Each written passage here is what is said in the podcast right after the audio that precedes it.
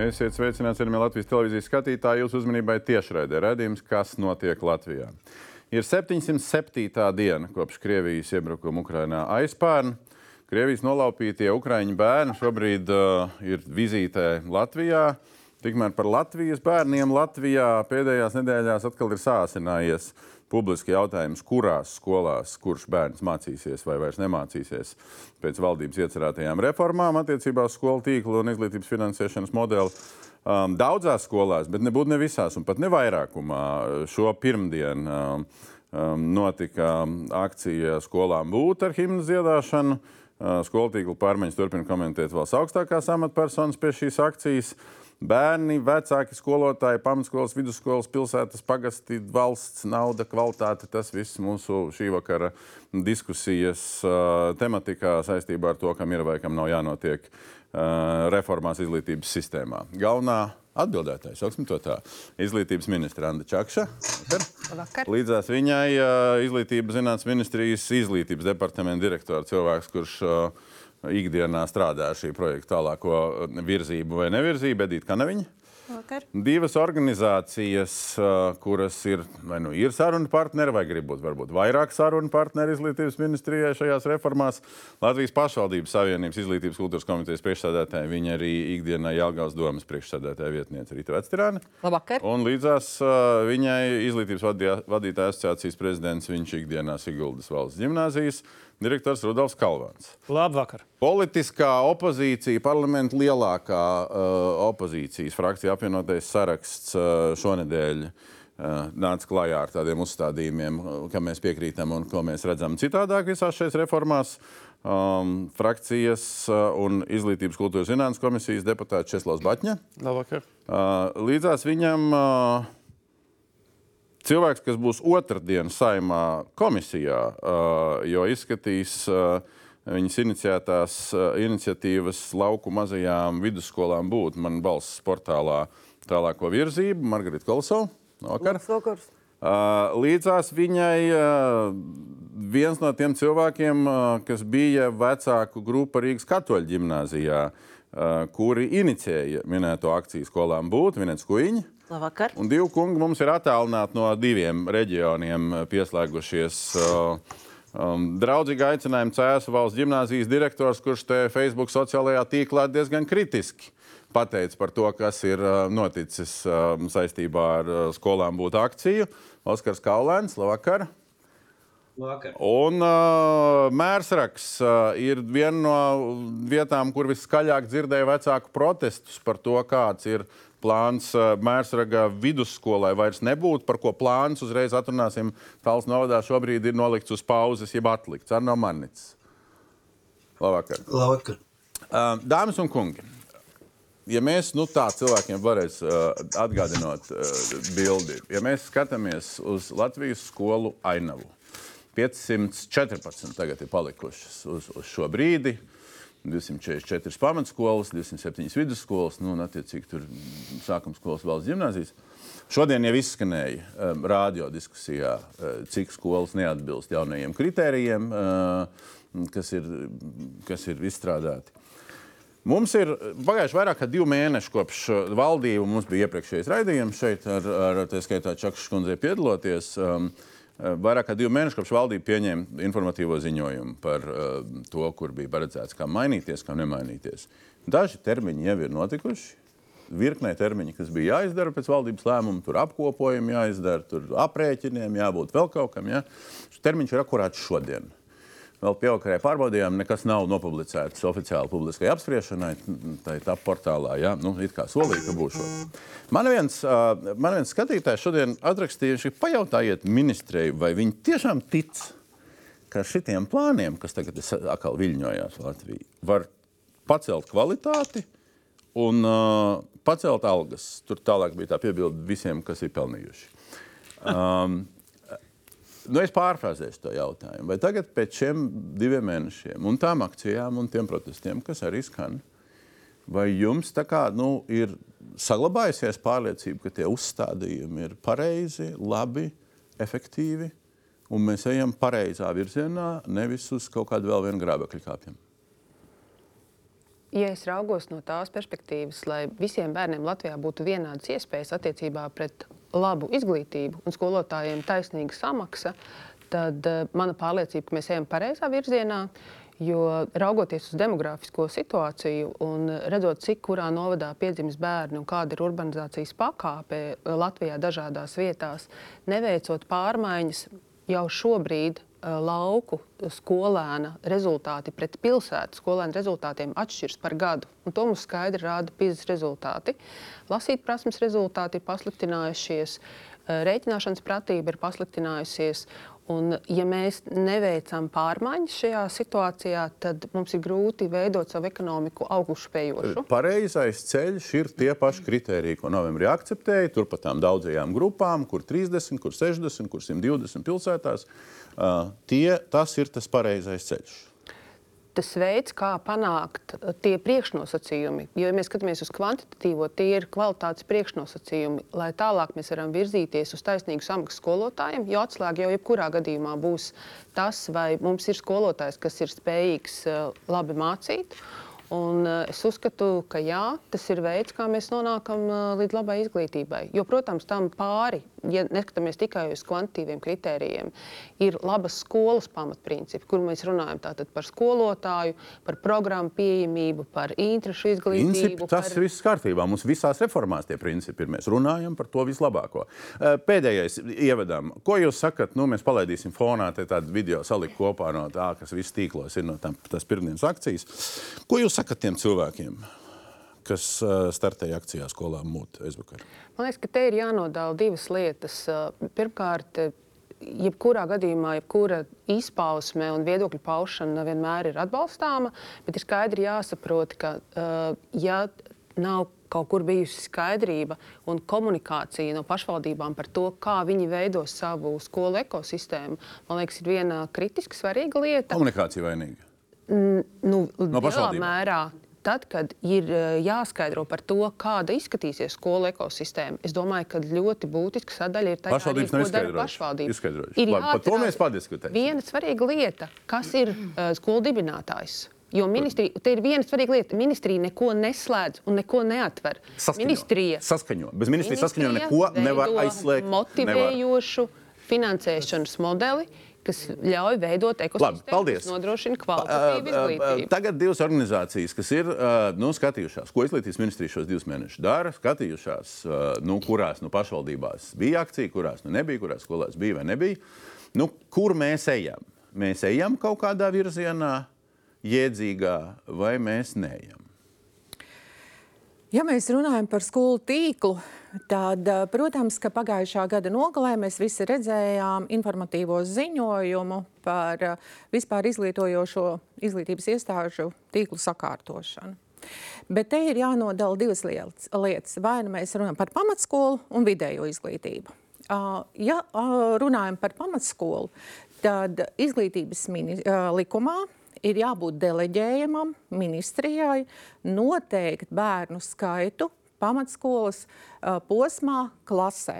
Nu, nieks jautājums. Nu, ielabot vienu teikumu balsošanas mašīnu, nu, tas vispār nav. Nē, tas nav tik vienkārši.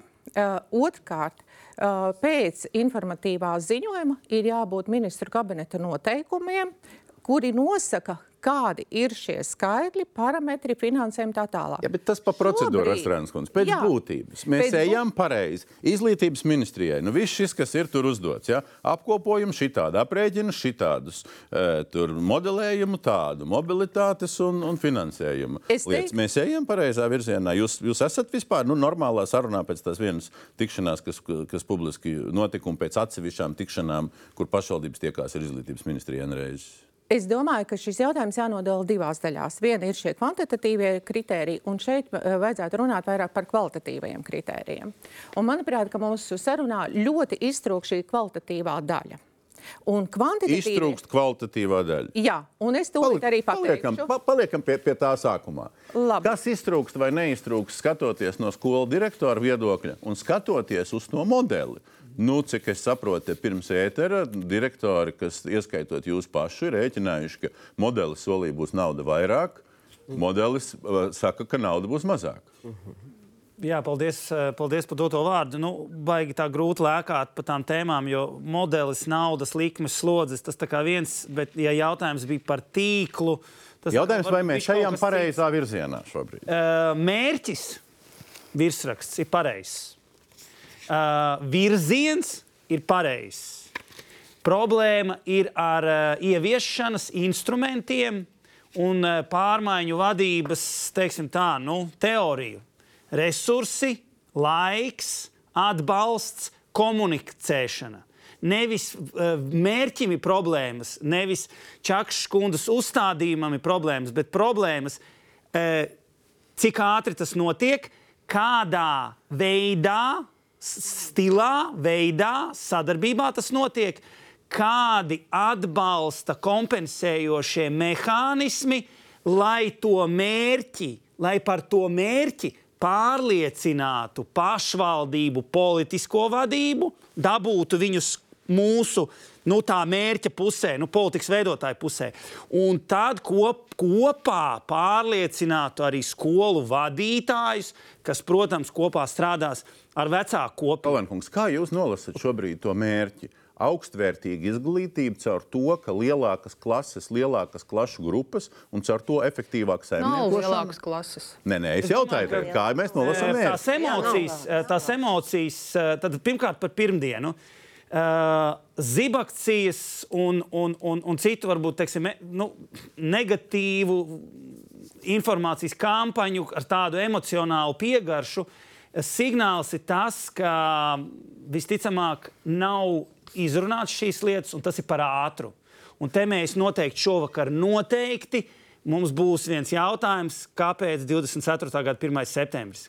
Tomēr varbūt ir jāiet un tik spītīgi atkāpjamies no tā un ejam uz 25. gada 1. septembri. Kalenkungs, mērķi, kā jūs uztverat mērķi? Kas ir mērķis?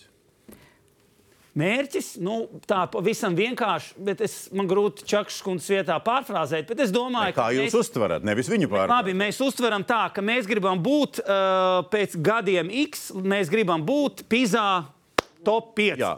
Un mērķis, Starp rindiņām un, un mērķis, ko izdarīt ar skolu tīklu un finansēšanas modeli. Nu, Tātad šobrīd politikas eh, veidotājiem ir pilnīgi, eh, pilnīgi cieta ticība, ka šos te administratīvi, ekonomiskos instrumentārus, šīs pārmaiņas veicot kopā ar pašvaldībām, eh, mēs būsim tajā PISA top 5. Mēs būsim blakus Es Igaunijai. jautāju par to mērķi, kas šajā. Uh, uh, Inicijējot katoļu gimnājā, inicijējot pasākumu uh, pirmdienu, nu, es pieņemu, ka primārais tomēr bija pašu intereses, vai ne? Nu, tā kā jau jūsu skolu grib aiztaisīt ciet. Bet tagad, ja plašāk paskatās, kas ir noticis pa Latviju, un nu, man kolēģi skaitīja, tur aizskaitīja pār pa simtam apstājās. Ja cik skolas ir piedalījās, tad tāda oficiāla skaita laikam nav. 160. Uh, ko tad, ko tad vai 170 vai 160 tur var vienmēr strīdēties? Nav, nav runa, bet tas, tas nav vairākums skolas. Pret ko tad īsti? Pret to, ka izglītības darbinieki, vadošie izglītības darbinieki nevar nosaukt mērķi šai reformai pirmām kārtām. Un mērķis, es gribu atgādināt, ir bērns. Veselīga, harmoniska, vispusīga, attīstīta personība. Tas, tas tai būtu jābūt uh, izglītības. Bet Čakas kundze iebilst tādam mērķim. Nu, tagad mēs pārējām uz, Bet uz vai mēs dzirdējām šādu mērķi iepriekšējos komentāros? Un tā tad eh, šajā akcijā, eh, jā, sākotnēji, protams, ka katra māte vispirms domā par saviem bērniem. Un eh, katoļu, Rīgas katoļu ģimnāzijai, kas ir ārkārtīgi laba skola, eh, nedraud aizslēgšana pilnībā, bet eh, ar jaunajiem izglītības ministrijas, eh, izglītības un zinātnes ministrijas kritērijiem eh, ir apdraudēta vidusskolas pastāvēšana, gimnāzija. Mm. Nu, respektīvi, tā ir gimnāzija. Un līdz ar to arī uh, gimnāzija. Bet protests pret to, ka nav mērķis. Nu, padiskutējam. Bet ka akcijas protests- mērķis, es vēlreiz gribēju, uh, mm, paturpinot akcijas moto, bija, ka nav sveši bērni. Visi Latvijas bērni ir mūsējie, un mēs tāpēc arī. Jā, bet tā ir lirika. Nu, tā jūs piekritīsiet. Nu, tā ir lirika. Nu, Bet vai es- nu mēs protestējam, ka vispār neaiztiekam nevienu mazo skolu, kas grib turpināt eksistēt, vai mēs protestējam pret kaut kādām Mēs robežām. Lietas. protestējam pret unificētu brutālismu, kas šobrīd ir plānā. Es teiktu, nu, tieši komentējot pēdējo, ja mēs eh, šobrīd ļoti skaidri redzam, ka īpaši sākuma skolas posmā eh, skolēnu skaits klasē ir eh, pieļaujamais septiņi. Un šobrīd Latvijā ir 55 skolas, kur ir bērnu skaits klasē, pirmajā klasē ir līdz pieci. Eh, tad ir jāsaprot, ka, ja mēs runājam par kvalitāti, tad eh, tam pretī ir jābūt pedagogam. Un tādēļ es teicu, mērķis ir skolēnam iedot vienlīdzīgas iespējas iegūt labu izglītību. Un šobrīd es atkārtošos, šobrīd atšķiras šīs izglītības kvalitāte vai skolēnu sniegums atšķiras par gadu. Un mēs runājam par to, ka ir vajadzīgs kvalificēts darbs. Jūs sakat, ka pārtraukt būt klasē pieciem cilvēkiem nav unificēts brutālisms. Nu, tā ir atbilde vienkāršiem vārdiem. Nu, eh, vai jūs varat pateikt, ko nozīmē unificēts brutālisms? Nu, kā jūs domājat? Man Tas grūti to šobrīd izprast notiek šobrīd. ar visām skolām, kur ir, uh, kur ir neliels uh, skolēnu skaits. Tas, kas notiek arī attiecībā pret privātajām skolām, kur ir ļoti labi iesākts darbs jau kopš 90. gadu sākuma. Un tiek uh, pat skolai apdraudēts gimnāzijas status, ja vidusskolā neturpinās izglītību. Man liekas, ka ir svarīgi nejaukt tiešām kopā to, kas ir līdz 9. klasē un vidējās izglītības posmu, jo vidējās izglītības posms sagatavo augstskolai, kur ir ļoti konkrētas prasības attiecībā pret to, ka ir jābūt padziļinātajiem kursiem, ir jābūt uh, infrastruktūrai, lai to nodrošinātu. Un šobrīd, raugoties eksāmena rezultātos un raugoties visos ārējos mērījumos, mēs atpaliekam paši pret sevi. Tas jau nav stāsts, lai mēs pret kādu salīdzinātos. Ja mēs runājam par inovācijās balstītu sabiedrību, Kundze, par zināšanu balstīšanu sabiedrību, Padiskutējam tālāk, soli pa solim iesaistamies. uh, Kolosāls bērniem. iniciētais un nākam, nākam nedēļa līdz saimnes mandāta komisijai nonākušais mana balss uh, projekts. Lauku mazajām vidusskolām būt. Atkal, lauku mazajām vidusskolām visām būt, kam būt, kam nebūt, kādā kvalitātē, kādā apjomā. Jā, tu uzdevi sākumā pareizo jautājumu, kāds ir mērķis šai reformai. Es kā cilvēks no laukiem redzu iznīcināt vienkārši reāli laukus, iztukšot viņus. Reāli. Tāds ir. Čakšas kundze deva sākumā paskaidrojumu, ja, kāpēc dzirdēja kaut kur, kaut vai vienā vārdā, ka viņa ieminējās par bērnu. Viņa teica, skolotāji, skolotāji, skolotāju Un alga. bērniem vajag skolotāju. Teicu, pagaidi, vienādas bērniem iespējas bērniem. Jā, kam Kolosovs kundze Atvainojiet, vienādas kam skolas ir bērniem. domātas Latvijā?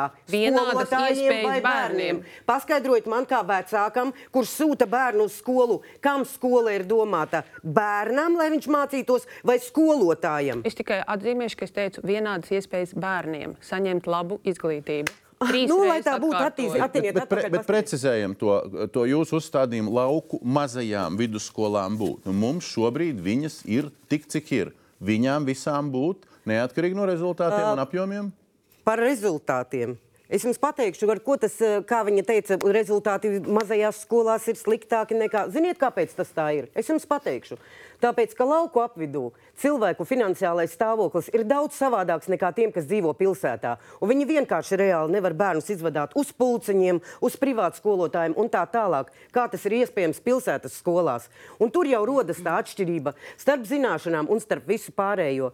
Jūsu reformā mums ir tādas, tādas, mums ir jābūt tādām izglītībām. Jūs paskatieties, tās pašas mazās lauku skolas, ja jūs skatāties tajā griezumā par sekmēm un tā tālāk, vai tad tur neparādās 15 labākajās skolās, lauku mazās skolas, ja tas ir viens no jūsu uzstādījumiem? neparādās? Tas jūs precīzi minējāt. Tādēļ jau laba skolas kontekstā ir gan pulciņi, gan interešu izglītība, lai tas būtu vienādi nodrošināts. Protams, uz kurieni lauku bērni netiek. Netiek un jūs tagad gribat vispār tās skolas. apvienot, Nē, lai tā vienīgā skola būtu 50 km attālumā. Un kā tad viņš labāk iesaistam soli pa solim. Nevienā punktā nav 50 Dāmas. km. Ir Dāmas. 25 km. Ir 25 km. Tas ir taisnība. Iesaistam, iesaistam klāt, Kaulēnkungs, Kaulēnkungs, jūs, jūs uh, uzrakstījāt pēc pirmdienas akcijas. Uh, Ļoti gribētos iepazīties ar kādiem par un pret argumentiem mazas skolas pastāvēšanai. Skolēni ir iepazīstināti. Jūs tā kā nu, teicāt, ka izmanto bērnus propagandai pirmdienas akcijā. Nu, mēs te dažus argumentus te dzirdam. Ja? Kā, ko jūs sakat? Nu, es Kādai pieņemu drusku atšķirīgi nekā divas tikko runājušās dāmas. Tā izklausās, jā. Es joprojām uzskatu, ka tā akcija ar, ar skolēnu iesaistīšanu ir īstenībā diezgan skaidrs propagandas līdzeklis. Un, un kāpēc es to tā domāju? Jo īstenībā skolēni, kur ir mācījušies tikai mazā skolā, viņiem īstenībā nav liels skolas pieredze. Viņi vienkārši objektīvi nevar pieņemt informētu lēmumu par to, kur viņiem būtu labāk. Kā jūs Un varat zināt, kā jūs to varat zināt, kā domā mazās skolas skolēns un kāpēc Jā. viņš nevar iedzīvoties lielākās skolas? Nu, kurienes jūs to. Oskaram ir pieredze, ir pieredze viņam. Ja? Viņš Jā, es esmu strādājis trijās dažādās organizācijās, trijos dažādos Latvijas reģionos, Rīgā. Tagad esmu cēsīs, līdz ar to es uzskatu, ka man ir eh, nu, tā kā pieredze, lai, lai, lai Un spriestu jūs zināt, ko tas bērns domā? Atgriežoties- Nu, kundze, To pat māmas nezina dažreiz. Tā, Atgriežoties pie tā, pie tā Mm, jautājuma, par to, Batuns vai reforma virziens ir pareizs, es teiktu, ka jā. Un skaidrs, ka iz- izglītības centrā ir skolēns, bet tas, ko kolēģi mums ir jāsaprot, bez labi nodrošinātiem, labi apmaksātiem skolotājiem mēs nevaram kvalitatīvu izglītību nodrošināt. Tas, ko mums godīgi ir jāpasaka, ka nav tā, ka mums visās Latvijas skolās visi skolotāji šobrīd var izpildīt to kvalitātes standartu, ko paredz arī, piemēram, jaunā izglītības reforma. Es esmu mācījis ļoti daudz skolotājus Latvijā, ticies, vērojis mācību stundas. Līdz ar to, ja mēs nevaram pienācīgi samaksāt, cietēji vienalga ir bērni. Līdz ar to virziens ir absolūti, absolūti pareizais, un tāpēc, ka to profesionālo resursu sistēmā, diemžēl, ir tik, cik viņi ir. Jaunie skolotāji. Labi, labi. Tas ir. Pie, pie, pie, saliekam pirmās liecības kopā. Marnits kungam te bija dažādas grimas klausoties šo nu, caur mērsraga piemēru, uh, cik tālu jūs esat, kurā uh, vairāk te galējākā vai, vai, vai netik galējā pozīcijā. Nu, ziniet, uh, uh, es gribētu uzreiz mazliet uh, pavirzīt mazliet citā gultnē šo sarunu, tāpēc, ka man radās jau daži jautājumi, Lūdzu. kamēr uh, tur notika uh, iesildīšanās, tā teikt. Jo, raugiet, pieņemsim, Čakšs kundze saka, ka lauku reģionos uh, izglītojumie ir atpalikuši pa gadu no, no Rīgas uh, izglītojumiem. Uh, Man uzreiz gribās zināt, vai jūs ņemat uh, vērā to, ka, pieņemsim, uz tām pašām gimnājām vai tehnikumiem uz Rīgu sabrauc uh, no reģioniem izglītojumiem. Jo tā ir pilnīgi cita kardināla situācija. Tas nozīmē, to, ka tie izglītojumie, kuri ir ieguvuši uh, izglītību lauka reģionos, atbrauc uz Rīgu un parāda labus uh, vidējās izglītības rezultātus. Jūs aktualizējat divas ļoti svarīgas lietas. Un viens, ka vecāki jau paši nobalso bērnus sūtot uz lielajām pilsētām, un otrs, tas nav mans pieņēmums. Tie ir dati, kas rāda šobrīd šo atšķirību. Jā, un es vienkārši vēlos parādīt, eh, cik atgādni jūs interpretējat šos datus, jo dati ir sausi un uh, uz viņiem var paskatīties dažādi. Un tā ir nepareiza interpretācija. Tieši tāpat kā nākamais moments tika pieminēts, tas pats jūsu ziņojums, kurā bija minēts to, ka Mērsaks ir neperspektīva vieta. Jūs zināt, ka Mērsaks ir otra, uh, otra lielākā mazā osta, kas ar pārkraušanas apjomu uh, Latvijas piekrastē. Otra lielākā mazā osta. Un roja nekad tāda nebūs, tīri geogrāfisko apsvērumu dēļ. Kaut gan jūs uh, norādat savā ziņojumā, ka roja ir lielāka perspektīva. Tas Skolu- ir uh, vēl- viens interesants moments. Skolu kādiem, ekosistēmu veido. Ja jūs man dzirdat, tad Es atvainojos, es paturpināšu. Man, Es jūs Marnits kundze, nepārtraucu, ļaujiet, kundze, ļaujiet atbildēt. Es varbūt atbildēšu, jo ir skaidrs, ka skolu Labi. ekosistēmu veido pašvaldība. Pieņemot lēmumus, kur viņi redz bāzes skolu, kādā veidā šos attālumus, lai piekļuve, pie, piekļūstamība būtu bērniem atbilstoša. Un izglītības ministrijas rīcībā nav, nu, un nav lēmumos pateikt, kas ir perspektīva vai neperspektīva vieta. Mēs vienkārši sakām, ka ekonomika ir bāzēta tur un tālāk veidojas skolas. Satversme, satversme nosaka, ka, eh, ka valsts finansē nevis pašvaldība. Ja? Ļa- Ļaujiet man Dibinātājs. ievelk- ievelkat telpu, uz mirkli ievelkat telpu un, un ļaujiet man noprecizēt vienu lietu, kas iespējams varētu attiekties uz Mērsregu un virkni citām skolām. Tā ir novembra eh, lēmumā, valdības lēmumā, bija uzdevums eh, izglītības ministrijai eh, 4.1 punktiņš. eh, Izveidot apkopojumu par pašvaldību izglītības ekosistēmām, nepieciešamo darbību datu eh, un lēmumu grafiku un pamatotus izņēmuma, īpašus izņēmuma gadījumus. Tas ir izdarīts. Kur ir Tas ir apkopojums, cik ir izņēmuma gadījumi, kādi, ar ko pamatoti? Edīte, pastāstiet, lūdzu. Jo, jo tur ir skaidri iezīmēta. Konkrētas uh, izglītības iestādes nosauktā, tad katra pašvaldība pēc sarunām ar katru pašvaldību, ņemot vērā tiešām dažādus aspektus, un tas, ko vecāki saka, viens no svarīgākajiem aspektiem ir, un primārajiem aspektiem ir tas, lai izglītība būtu pieejama, ņem, Nē, tās viss ir frāzes. Nē, Cik, nē, bet cik ir tas- pamatotie gadījumi veidojas- Latvijā? Tā veidojas arī. Cik ir pamatotie izņēmumu gadījumi? Nu, katrā pašvaldībā Cik tie ir vairāki. Ir nu, kopā uh, 15. 15 mērsaks nav. Ērsraks nav, jo ir Kāpēc roja. tur nav pamatotu gadījumu? Tāpēc, ka ir roja un ir engure, kas attāluma ziņā ir starp izglītības iestādēm ir 40 km. Kā viena, tā otra, tā trešā izglītības iestāde vidējā izglītības posmā, trīs klašu grupā skolēnu skaits ir zem 30, no 27 līdz 29. Un, lai stiprinātu divas izglītības iestādes, kas ir roja un engure, un nodrošinātu skolēniem nevien tikai uh, trīs padziļinātos kursus, kas ir, jā, nu, kas ir jāpieņem skolēnam kā vienīgā iespēja, bet lai būtu iespēja arī līdzīgi kā jebkurā citā izglītības iestādē Latvijā vidusskolēnam izvēlēties, ko viņš padziļināti apgūs. Šī izvēle starp div, sarunās starp Jā. divām pašvaldībām. Tukumu Kas ir pamatots Talsu, Roja un Vien, vienu no 15. Kas ir? Baltinava. Pamatojums ir pieejamība. Pamatojums ir tieši tā Kad izvērtējums, ir vairāk ņemot vērā, ka 500 ceļā vai starp skolām ir vairāk kā 50 km, un pašvaldība nevar nodrošināt šo pieejamību, vai ir uh, nu, tie ir tiešām pieejamības apstākļi. Otrs ir infrastruktūras apstākļi. Es apzināti, prasības. Baņas, apzināti, jūs pēdējo atstāju iesaistīt šai sarunā. Uh, Mēs te apmēram, sakiet, lūdzu, Man- ir tas pagaid, uh, ļaujiet iesaistīties, ļaujiet Vien, iesaistīties. Vien. Jā. precīzi jā, precizējoši jautājumi uh, par šiem kilometriem. Vai šie kilometri tiek rēķināti pēc ceļa vai pēc uh, Vai pa rādījus gaisu? ar cirku? Gaisa līnija. Jā. Nav gaisa līnija, ir Pa ceļš. gaisa līniju. Nav gaisa līnija. Nē, Be- skatoties pēc ceļa, zinu jūsu stāstu, zinu, kā, kā, st kā ir uh, apdzīv, nu, ciema, ciemi.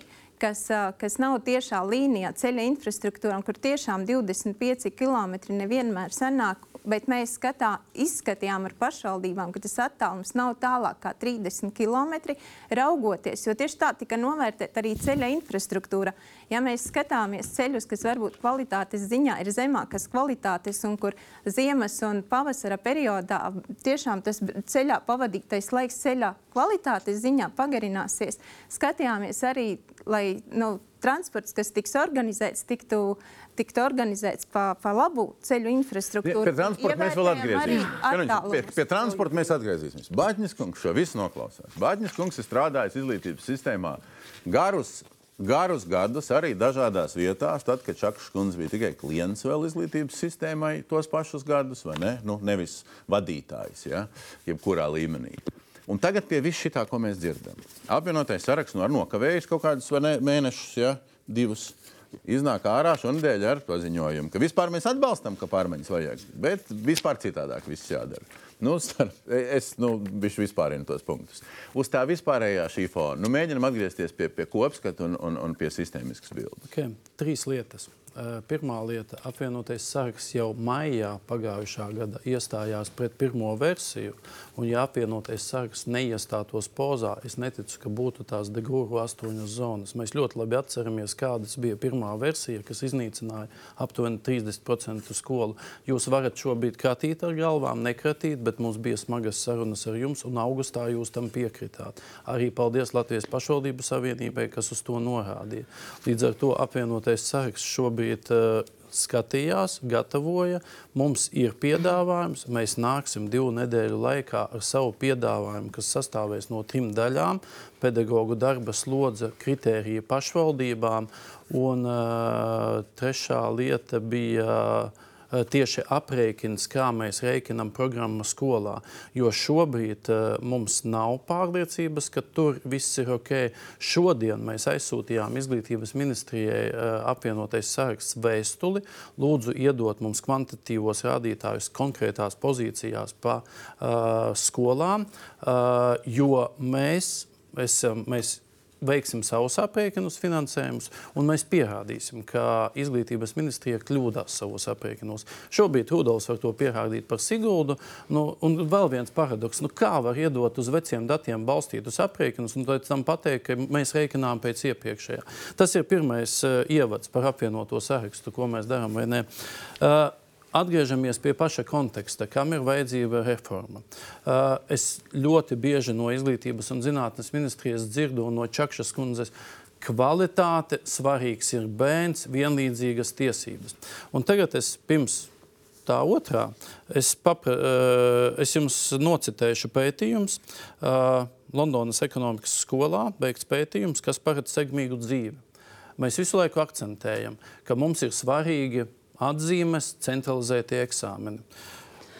Pirmā vieta, kas ir būtiska, uh, un šī ekonomikas skola pēc tam izvērtēja, kuri bērni nes lielāku pienesumu tieši Anglijas ekonomikā. Pirmajā vietā tie, kas pabeidz skolu un augstskolas, kas ir jutušies labi emocionālā labsajūtā. Otrā vieta - attiecības skolā. Un trešā vieta - tikai akadēmiskās sekmes.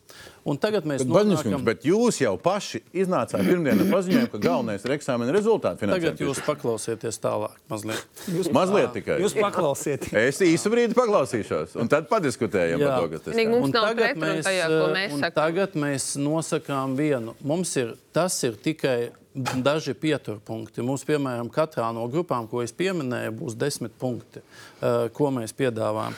Uh, pirmais, Es vienkārši mēs uzreiz gribu piebilst, jo mēs par centralizēto es eksāmenu jūs vispār runājāt. nerunājam. Ļaujiet man arī. Ne vienkārši pabeigt. tāpēc, ka jūs runājat, uh, it kā mēs mērītu centralizēto eksāmenu, kamēr mums tas nav kā kritērijs. Es esmu Česlavs, jā.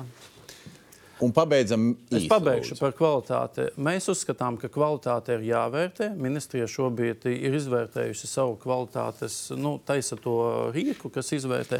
Kvalitāte saistībā ar centralizētiem eksāmeniem jābūt aptuveni 50%. Bet nākamajos 50% vismaz mums ir ļoti daudz komponentes, kuras ir jāvērtē. Piemēram, nu, kāds ir darbs ar talantiem, kāds ir individuālais. Otrais, kāda ir sadarbības projekti. Trešais, un manuprāt, viens no būtiskākajiem, kāds ir skolas apmeklējums. Ja skolēni apmeklē skolu, tad viņi jūtās tajā skolā labi.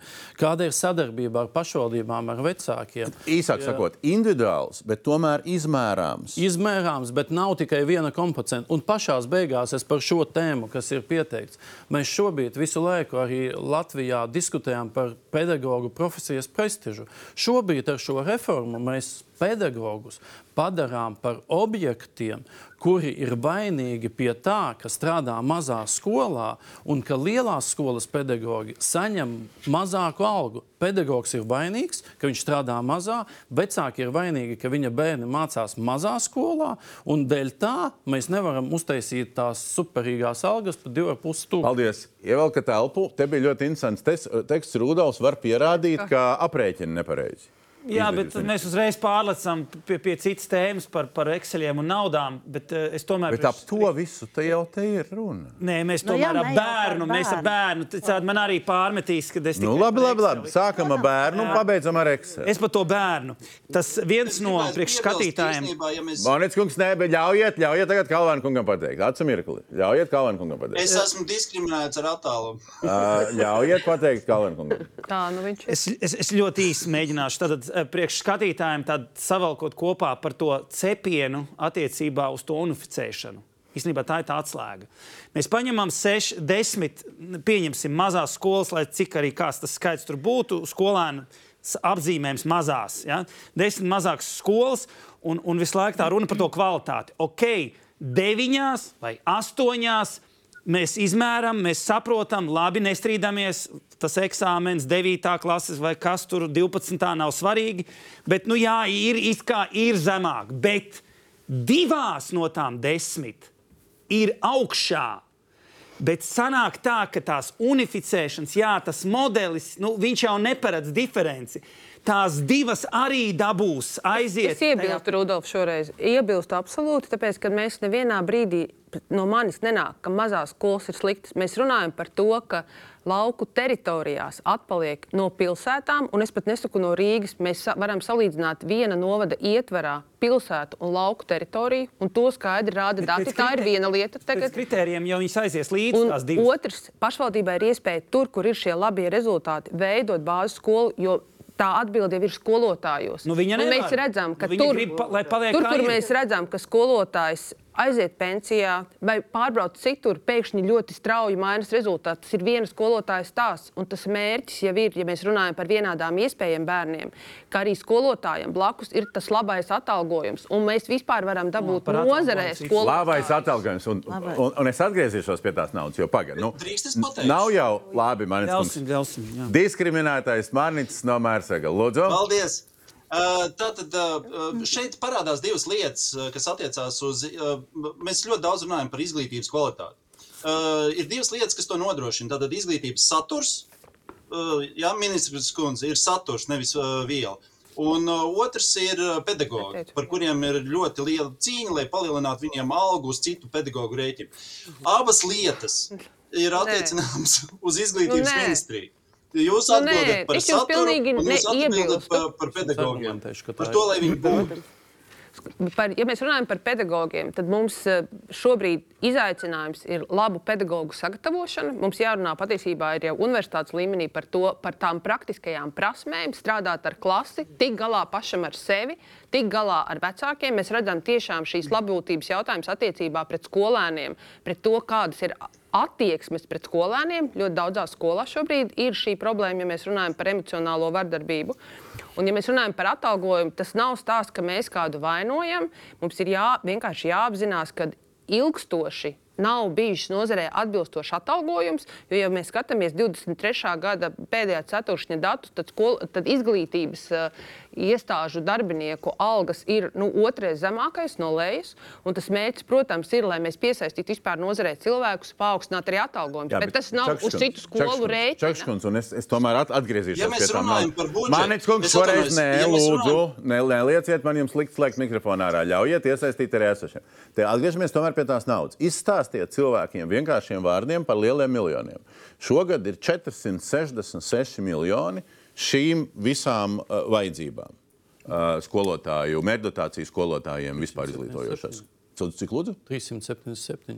Tas ir pagājušais. Nu, mēs skatījāmies šodien skaitļus. Labi, tas varbūt skatītājiem. Nu, jā, bet nu, tie, vai, vai ir, ir nu, ziņojumā bija, bija Nu, daudz 400, tie bija- miljoni. Šogad ir 466. un Mēs tā, nu, kā viņas kundze piekrīt. Nē, viss kārtībā. Tā tad, tā tad uh, jums ir veci dati. Nē, Nu, jūs tikko sakāt, tikko mēs veci datus Šis ir uzskatāms piemērs, Jā. kā mēs Nē, bet, vērtējam. dāmas- un kungi, nu, tātad- jūs viņu Tas nav prezentējāt Dāmas un kungi. pie mums. Fakts. Dāmas un Ko jūs sakāt? Dāmas un kungi. tā ir jūsu Dāmas un kungi, kungi, jautājums ir, vai reorganizējot Prezentējot, kāpēc jūs neprezentējat jaunus datus, ja jūs sakāt, ka man ir ne... Baģņas kungs. tā ir nedēļas veca prezentācija? Nē, ka es operēju ar veciem datiem. Pāģņas, kungs, viss slāpēji, operēsim ar visiem datiem, visu kopā.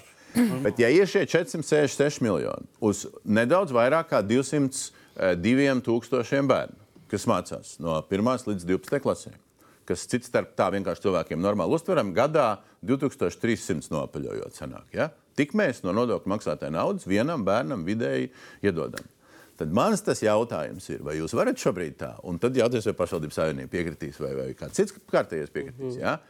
Kā tad mēs to straujo lecienu algās skolotājiem varam nodrošināt ar šo vai līdzīgu reformu, ar šo vai līdzīgu reformu, slēdzot, reorganizējot tik vai šitiks vidusskolas un pamatskolas?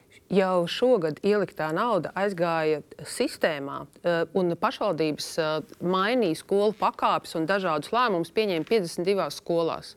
Kā mēs varam nodrošināt Un lecienu? nākamais, un šī, šī nauda, kas bija iepriekšējā gadā 180 miljoni, tad uz šī gada budžetu 120 miljoni kopā, un mēs liekam naudu klāt, bet paralēli veidojam šo uh, skolu ekosistēmas stāstu. Paralēli dodot klāt skolotājiem naudu. Tā No nauda, kas kurienes rodas nauda? Jūs vairāk budžetā nedabūsiet. No ietaupījumu. Kur ietaupījums Es radīsies? Kā, nu, tur, kur, tur, kur dotācija vairs nebūs, kur Es nesakos. tieši to arī gribu Nu, tā tad uz skolu kungs. Vispirms, lai veterāns kundze pasakā, vai pašvaldības savienība redz, kā var būt notikt šis straujais leciens, un vai tas leciens nevar notikt citas starp, samazinoties skolotājiem, kuri strādā. Tad varbūt mūsu Jālgavas valsts pilsētas pieeja. Ā, ļoti labi. Labi, 2018. gadā mēs sākām strādāt pie savas pilsētas skolu tīkla sakārtošanas. Mēs patiešām pašvaldība strādājām gadu, izvērtējot gan skolu tīklu, skolu kapacitāti, pedagogus, demogrāfiju un tā tālāk. Kopīgais lēmums bija tāds, ka divas izglītības iestādes mēs reorganizējām. Vienai vidusskolai mēs samazinājām izglītības pakāpi, vienai paaugstinājām. Un jāsaka, tā šis uh, process ilga uh, gadu. Mēs apskatījām katra bērna dzīves vietu, tad no tās reorganizētās skolas, kāda būs viņa pārvietošanās ceļš, vai mēs kā pilsēta nodrošinām transportu, mēs pamainījām sava sabiedriskā transporta maršrutu, pielāgojām skolas mācību sākumam un tā tālāk. 2018. gadā mūsu pilsētā pedagoģa atalgojums pret zemāko likmi valstī bija 113%. Pēc pieciem gadiem Tātad 2023. gadā tie ir 123% pret zemāko likmi valstī, un šobrīd pilsētā ir 1503 eiro vidējā pedagoga alga. Ko tas nozīmē? Piecu gadu laikā mēs to esam apsteidzoši pret zemāko likmi veikuši. Um, Parēķinot, cik tas ir bijis piecu gadu laikā, cik mums ir bijis finansējums, ko mēs varētu sadalīt pedagogiem, tie ir 1,3 miljoni. Tālāk mēs 2018. gadā no izglītības budžeta skolu uzturēšanai mēs atvēlējām 15,9%, 23. gadā 13,4%. Mēs nonākam pašvaldību lietu. Pašvaldību. Pašvaldību, kurai ir nauda. Kurai Tā nauda. pašvaldība, kurai ir Un nauda. Šobrīd ir ir par to, sakārtojis ir sakārtojis ekosistēmu, bet jāsaka, tas notika 4-5 gadu laikā. Ieviešana. Institū- Un te ir patiešām tik līdz Ne jau mēs lemjam par skolu tīklu sakārtošanu, reformām, tad noz, viennozīmīgi ir vajadzīgs skaidrs mērķis, ko mēs gribam. Otrais, mums ir vajadzīgs skaidra vīzija, kāds atbalsts mums būs vajadzīgs bērnam, pedagogam, vecākiem un pašvaldībai. Un pašvaldībai. Un tālāk mums ir vajadzīgs noteikti termiņi arī šī reformas ieviešanai. Labi, bet Tikai tad tā kas bija versija, ko var vai nevar ar, ar šo reformu Tā panākt? ir prezentācija, ko prezentēja pirms desmit dienām mūsu apvienotajā sarakstā Izglītības un zinātnes ministrijā. Es saprotu, ka viņi ir atkal balstīti uz veciem datiem. Tātad šeit ir parādās 223. gads, eh, finansējums mērķa dotācijas apmērs 377 miljoni. Modeļa, mezo- modeļa rezultāti ir 450 miljoni. Jūs ļoti labi atceraties manu jautājumu, cik ir modeļa fiskālā ietekme. 73 miljoni. Bet jūsu piebilde bija, bet ja pašvaldības sakārtos tīklu, kā mēs vēlamies, tad vispār nebūs ietekme. Un šeit ir atbilde uz jautājumu. Aizliedzot visas šīs skolas, idejiski visideālāko piemēru, mēs tos 73 miljonus paņemsim no tām skolām un lielām skolām iedosim algu. Nu, jūs toreiz man neatbildējāt, ka Nē, tā ir. Un, tā ir, nu, tad tāpēc, ka atbildiet tā ir, tagad, tā ir, tā ir in, datu interpretācija. Tie ir jūsu dati. Tie ir Nu jā, mūsu dati, tas ir tiesi. Tie, tās, tie ir mūsu dati. Un tā, Tad tad vēlreiz 73 370 miljo, uh, miljoni tie ir. Mēs runājam par 23. gadu, nevis par šo gadu. Mēs kāpēc zinām, ka 24. Runāt par gadā vēl vairāk kā izcila 90 kvalitāte. miljoni ienāca sistēmā. Ja mēs runājam par to, kas ir nepieciešams uh, un uh, ne, skolu tīkla reorganizācija pilnīgi noteikti uh, nekompensēs uh, finansējuma daļā to, kas ir paredzēts jaunajā modelī. Tas, kas ir paredzēts jaunajā modelī, ja izglītības iestāde turpina programmas īstenošanu, tad tiek nodrošināts viss finansējums, kas ir nepieciešams mācību plāna īstenošanai, atbalsta pasākumiem skolēnam, skolas uh, uh, procesu administrēšanai. Šobrīd nauda seko skolēnam. Un es domāju, gan, ka Batņas kungs zina, Vecstrānes kundze noteikti runājot ar pašvaldībām, zina, zina ka šobrīd izglītības iestādēs, kur skolēnu skaits ir mazs, šobrīd skolēniem nevar atmaksāt skolotājiem darbu, ko velta individuāli, atbalstot skolēnus mācību darbu, atbalstot. Pats maijā iedod datus, Nu, ko var pašvaldības un ko nevar. Bet mēs runājam par skolas līmeni. Tieši tāpat, vai fakultatīvās nodarbības var nodrošināt? Labi, klases Ļaujiet man iesaistīt, tagad, kā Lēna kunga, vēl vienreiz iedodiet savu, savu repliku, un pēc tam dāmas studijā. eh, Iedodiet savu repliku. Cik lielā mērā tas, par ko jūs paceļat karoga kvalitāti, cik lielā mērā viņš ir nodrošināms ar visām šitām te kustībām, kas ir satricinājušas nu, pusi Latviju pats minimums. Ja? Uh, un cik tālu tā efektivitāte uh, var konvertēties kvalitātē? Es droši vien nevaru komentēt uh, reāli par, par precīziem cipariem, bet tas, ko gan es varu apgalvot, teiksim, jau uz skolu aiziet uh, līdz finansējums, ka- finansējums, kas ir nepieciešams visam atbalsta personālam, pilnvērtīgai skolas vadības komandai. Tad, principā, kvalitāte, ja skolotāja, skolas vadības komanda var nodarboties ar pedagoģiju, nevis ar saimnieciskiem jautājumiem un citām lietām, tad eh, es teiktu, ka tā kvalitāte seko. Jo tas, kur kolēģi šobrīd ir tā lielā problēma, tajās mazajās skolās, kurās nav atbalsta personāla, kurā direktors kaut vai cēsu novadā, ir arī saimniecības pārziņas, daļai pilda lietvedes funkciju. Izstāstiet, kurā vietā tur var ar pedagoģiju nodarboties. Bet, Kalēn, Un kungs, tur no, mēs arī jū- jūs tiešām pēc tā jaunā modeļa, jūs pēc tā jaunā modeļa esat modelējis, kas jums būs Es- vairāk vai mazāk? drusciņi- Jā, mēs esam druskuļi paskatījušies. Mēs, es nevaru komentēt pilnīgi precīzi ciparus. Es esmu sācis vadīt skolu, kad mums bija viens no zemākajiem atalgojumiem Cēzu novadā. Šobrīd man ir skola ar praktiski lielāku atalgojumu. Gan es tikšu galā arī, arī tad, ja būs nu, tas jaunais. Nu, jaunais tas tā uz tumšo gan jau es tikšu galā. Ja?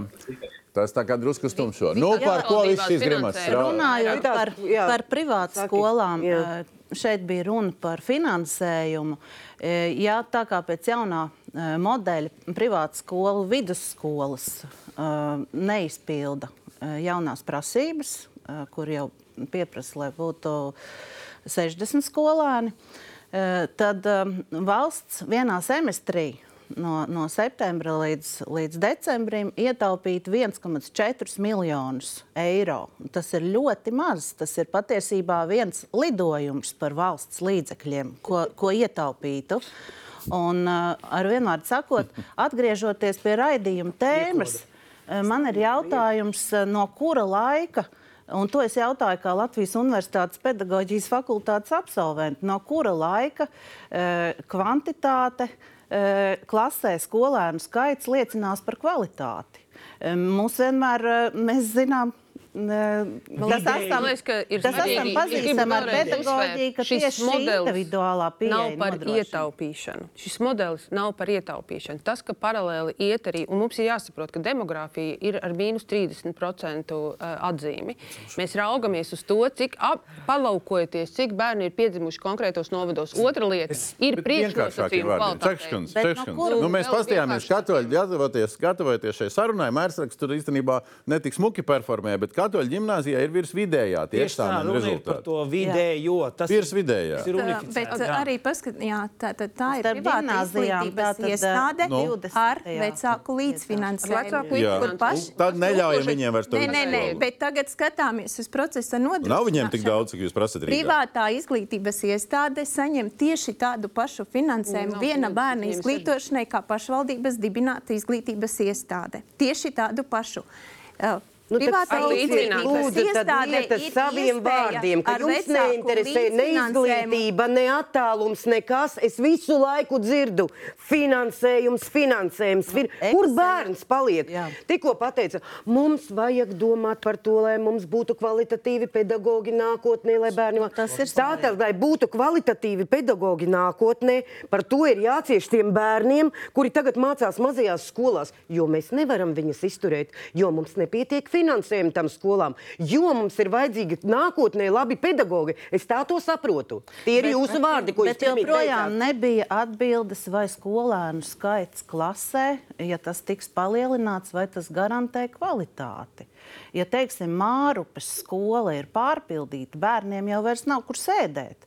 E, ir pēc, pēc jaunā modeļa, ir, ir e, nu, dažā, dažādas pieejas, kur būs situācija, kad klasē Tur būs pārpildīta. pa daudz. Un par jā- pārpildītām tur jābūvē ir jauna skola, Un- tāpat Jā, kā Un dažos. man, jā, notiek un te mēs, atgriežamies, un te mēs atgriežamies pie jūsu pieminētiem termiņiem. Čakškunds, mēs sēdējām šeit novembrī, runājam par to, Jā, kā tad vajag es drusku vienu, 300. vienu frāzi Vai, par pārpildītajām skolām. Mēs atceramies ļoti labi, kad bija Covid laiks. Vajadzēja sēdēt bērnam no bērna divi metri. Kā viņi to spēj? Ja nedod Dievs Covid- kaut kas tāds, kā Covids viņi pagāja. spēs to Covids visu pagāja. izdarīt? Arī Covid pagāja. Nē, bet atgriežamies. Novembrī bija runa par to, ka ir vajadzīgi 300 miljoni, lai, ja mainīs šo tīklu, uzbūvētu jaunas piebūves un vēl kaut ko, vēl kaut ko. Man burtiski šodien atrakstīja skaistu piemēru par to, ka cilvēks, nu, kuram iespējams būs jāšķirās no esošas vidusskolas, ja? nu, kura bērnam būs jāšķirās, ja?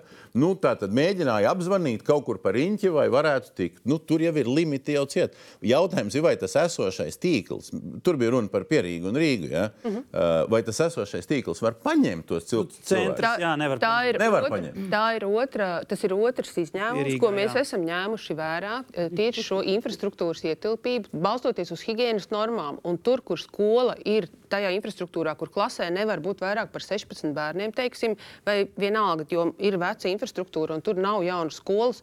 Tur arī kopā ar pašvaldību šie lēmumi tiek izskatīti kā izņēmums.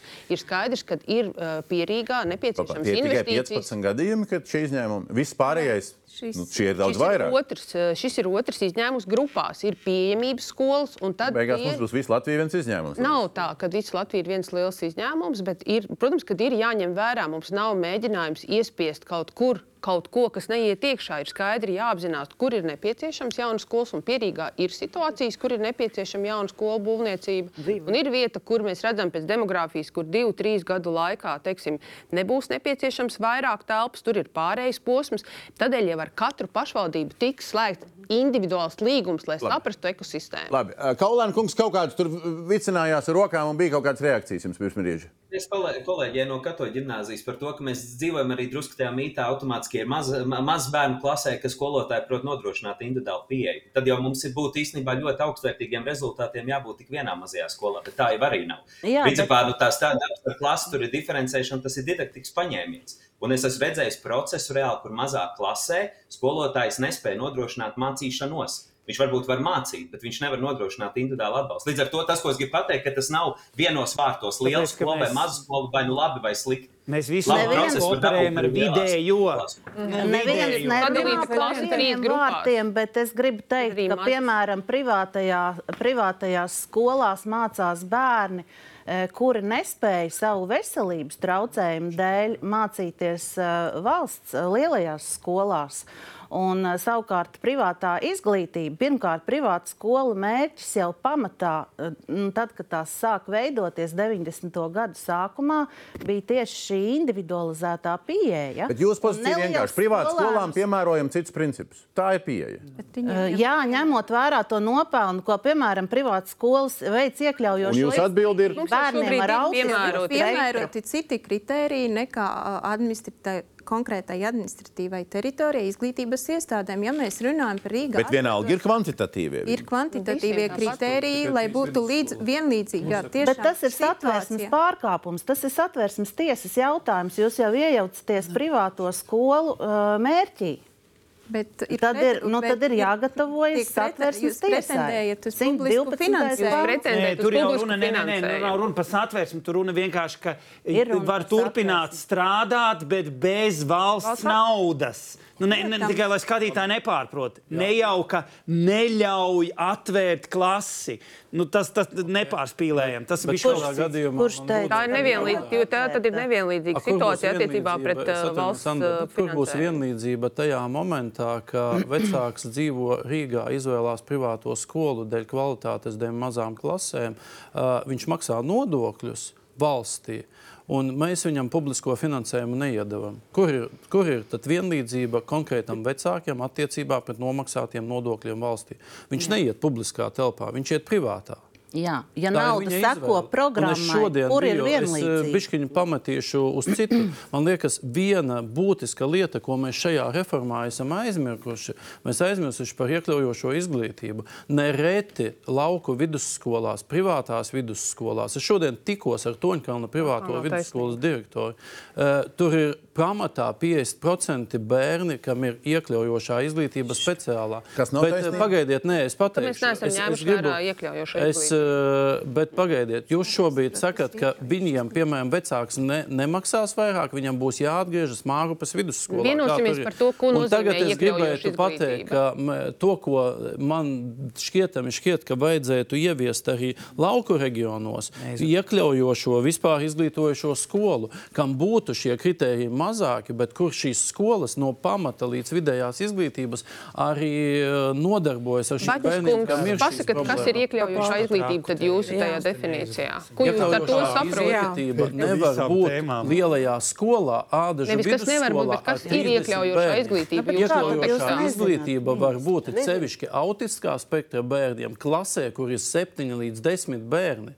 Viņiem ir kairinātāji. Es ar tādiem bērniem esmu Bet jūs strādājis. izlasījāt modelī, kā ir paredzēts, kur, kur Jums tur ir turpmākie rīcības plāni un- skola Tur ir var likt zīmes. kopā. Tur ir atsevišķs nesaprotat, veids, Tur vairāk ir cepiens, vai to vai tā vīzija būs pietiekama. Mēs to tā kā ar Mēs runājam par iekļaujošu nevar tam izglītību. Ja notikt. mēs, ja mēs, ja mēs runājam par to, ka ir atsevišķas izglītības iestādes, kur mēs virzām bērniem, kuriem ir vajadzīga uh, individuāls atbalsts, nezinām. tad tā ir segregācija, tā nav iekļaušana. Iekļaušana ir nodrošināt bērnam viņa dzīves vietai tuvāk izglītības iespējas, lai kādas vajadzības bērnam arī būtu. Modelis pareizi, ja ir intereses. Kalvankungs, jūs te sašūtat, ka pa- mēs runājam par dažādām Nē, lietām. mēs nerunājam par Nē, nē, nu vienkārši šausmīgi, jau ādās šausmīgi plats nerunā. lauks. Ir lauks, Skatītājs ir lauks. Bet, bet es domāju, ka skatītājs taisnība no šī, vienkārši manuprāt, redz vienu svarīgu lietu. Visas šīs lietas ir savstarpēji sasietas. Mm -hmm. Un mēs vēl tagad vēl neatvērām transporta jautājumu, par ko Jā. bija cepiens šeit, šeit studijā, jau pirms ētera, ja, kur arī jums jau nav šis mobilitātes apkopojums, Tāpēc kam bija jābūt sagatavotam. Ir kopā ar varam- pateica varam par pārmaiņu vadības to procesu. Es, Ir, bet Vecāns kundze, man liekas, ļoti brīnišķīgi parādīja to, kāda ir pašvaldības loma. Un, ja pašvaldība ir uzlikusi šo mērķi rūpēties par saviem iedzīvotājiem, saviem bērniem, viņi to ir izdarījuši jau 18. gadā. Un šobrīd mēs runājam par pašvaldībām, kurām, kuras gaida vienkārši lēmumus tā vietā, lai skatītos uz tām vajadzībām. Labās un tiešām ir sliktās bērniem. čakas, kundze, jūs mēģināt nu, zināmā mērā pašvaldības. Jā, nu tā jūs sakat. Nu, jā. atbild Kas Izglītības funkcija skaidri definēta likumā kā pašvaldības atbildība. Un skolas ir Bet tad dibinātas. nejaucaties tur iekšā. Es arī dodu tā, to autonomiju. Ne jau velti šobrīd. Pagaid, tās- pagaid, jūs nedodat autonomiju šo modeli. Es uzdošu Nav, nav Nē, autonomija. nē, autonomija dod naudu, tikai nedod. uzdošu Tā jau nav autonomija. Es uzdošu vienu jautājumu par pašvaldībām, tieši par pierobežas pašvaldībām, kurām ir noteikts tāds punkts, ka pierobežu vidusskolas ti- ti- tiks īpaši finansētas, dro, varams tur to un to. Bija, jā, būtu, bija jābūt lēmumam par to. Līdz kaut kuram Līdz 31. martam vēl nav Līdz 31. termiņš. Un Vai tad jums neliekās likumsakarīgi, ka pašvaldībām ir savos budžetos jāieplāno, kuras skolas viņi slēgs vai nē, līdz 1. martam, nezinot to, vai viņiem tiks klāt finansējums vai nē. Bet jūs to pateiksiet tikai 31. Tas neskatās tā. Dari kā gribi, bet tev ir jāslēdz kaut kura ciet. Uh, Un, ja par tāpēc es grozījumu- gribētu teikt, bet No. mēs, kā Jālgavas valsts pilsēta, to veicām 2018. gadā, un patiešām ir bijis vajadzīgs laiks, un ir bijis pašvaldības vajadzīgs finansējums, ieguldījumi infrastruktūrā, satiksmes organizēšanai un tā tālāk. Bet mēs atceramies, ka lielākajai daļai pašvaldības skāra administratīva teritoriālā reforma. Un tāpat apvienojās neviena, vie- divas pašvaldības, trīs un līdz pat septiņām.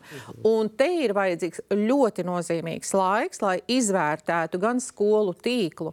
Un tiklīdz šobrīd tās pašvaldības, tas narratīvs nav īpaši veiksmīgs. Ir pateikts, ka to i- iz, tas ir jāizdara pašvaldībai, bet jāsaprot ir viens, lai pašvaldības arī to izdarītu pie viena galda, un es atkārtošos, pie viena galda kopā ir jāsēž pašvaldībai.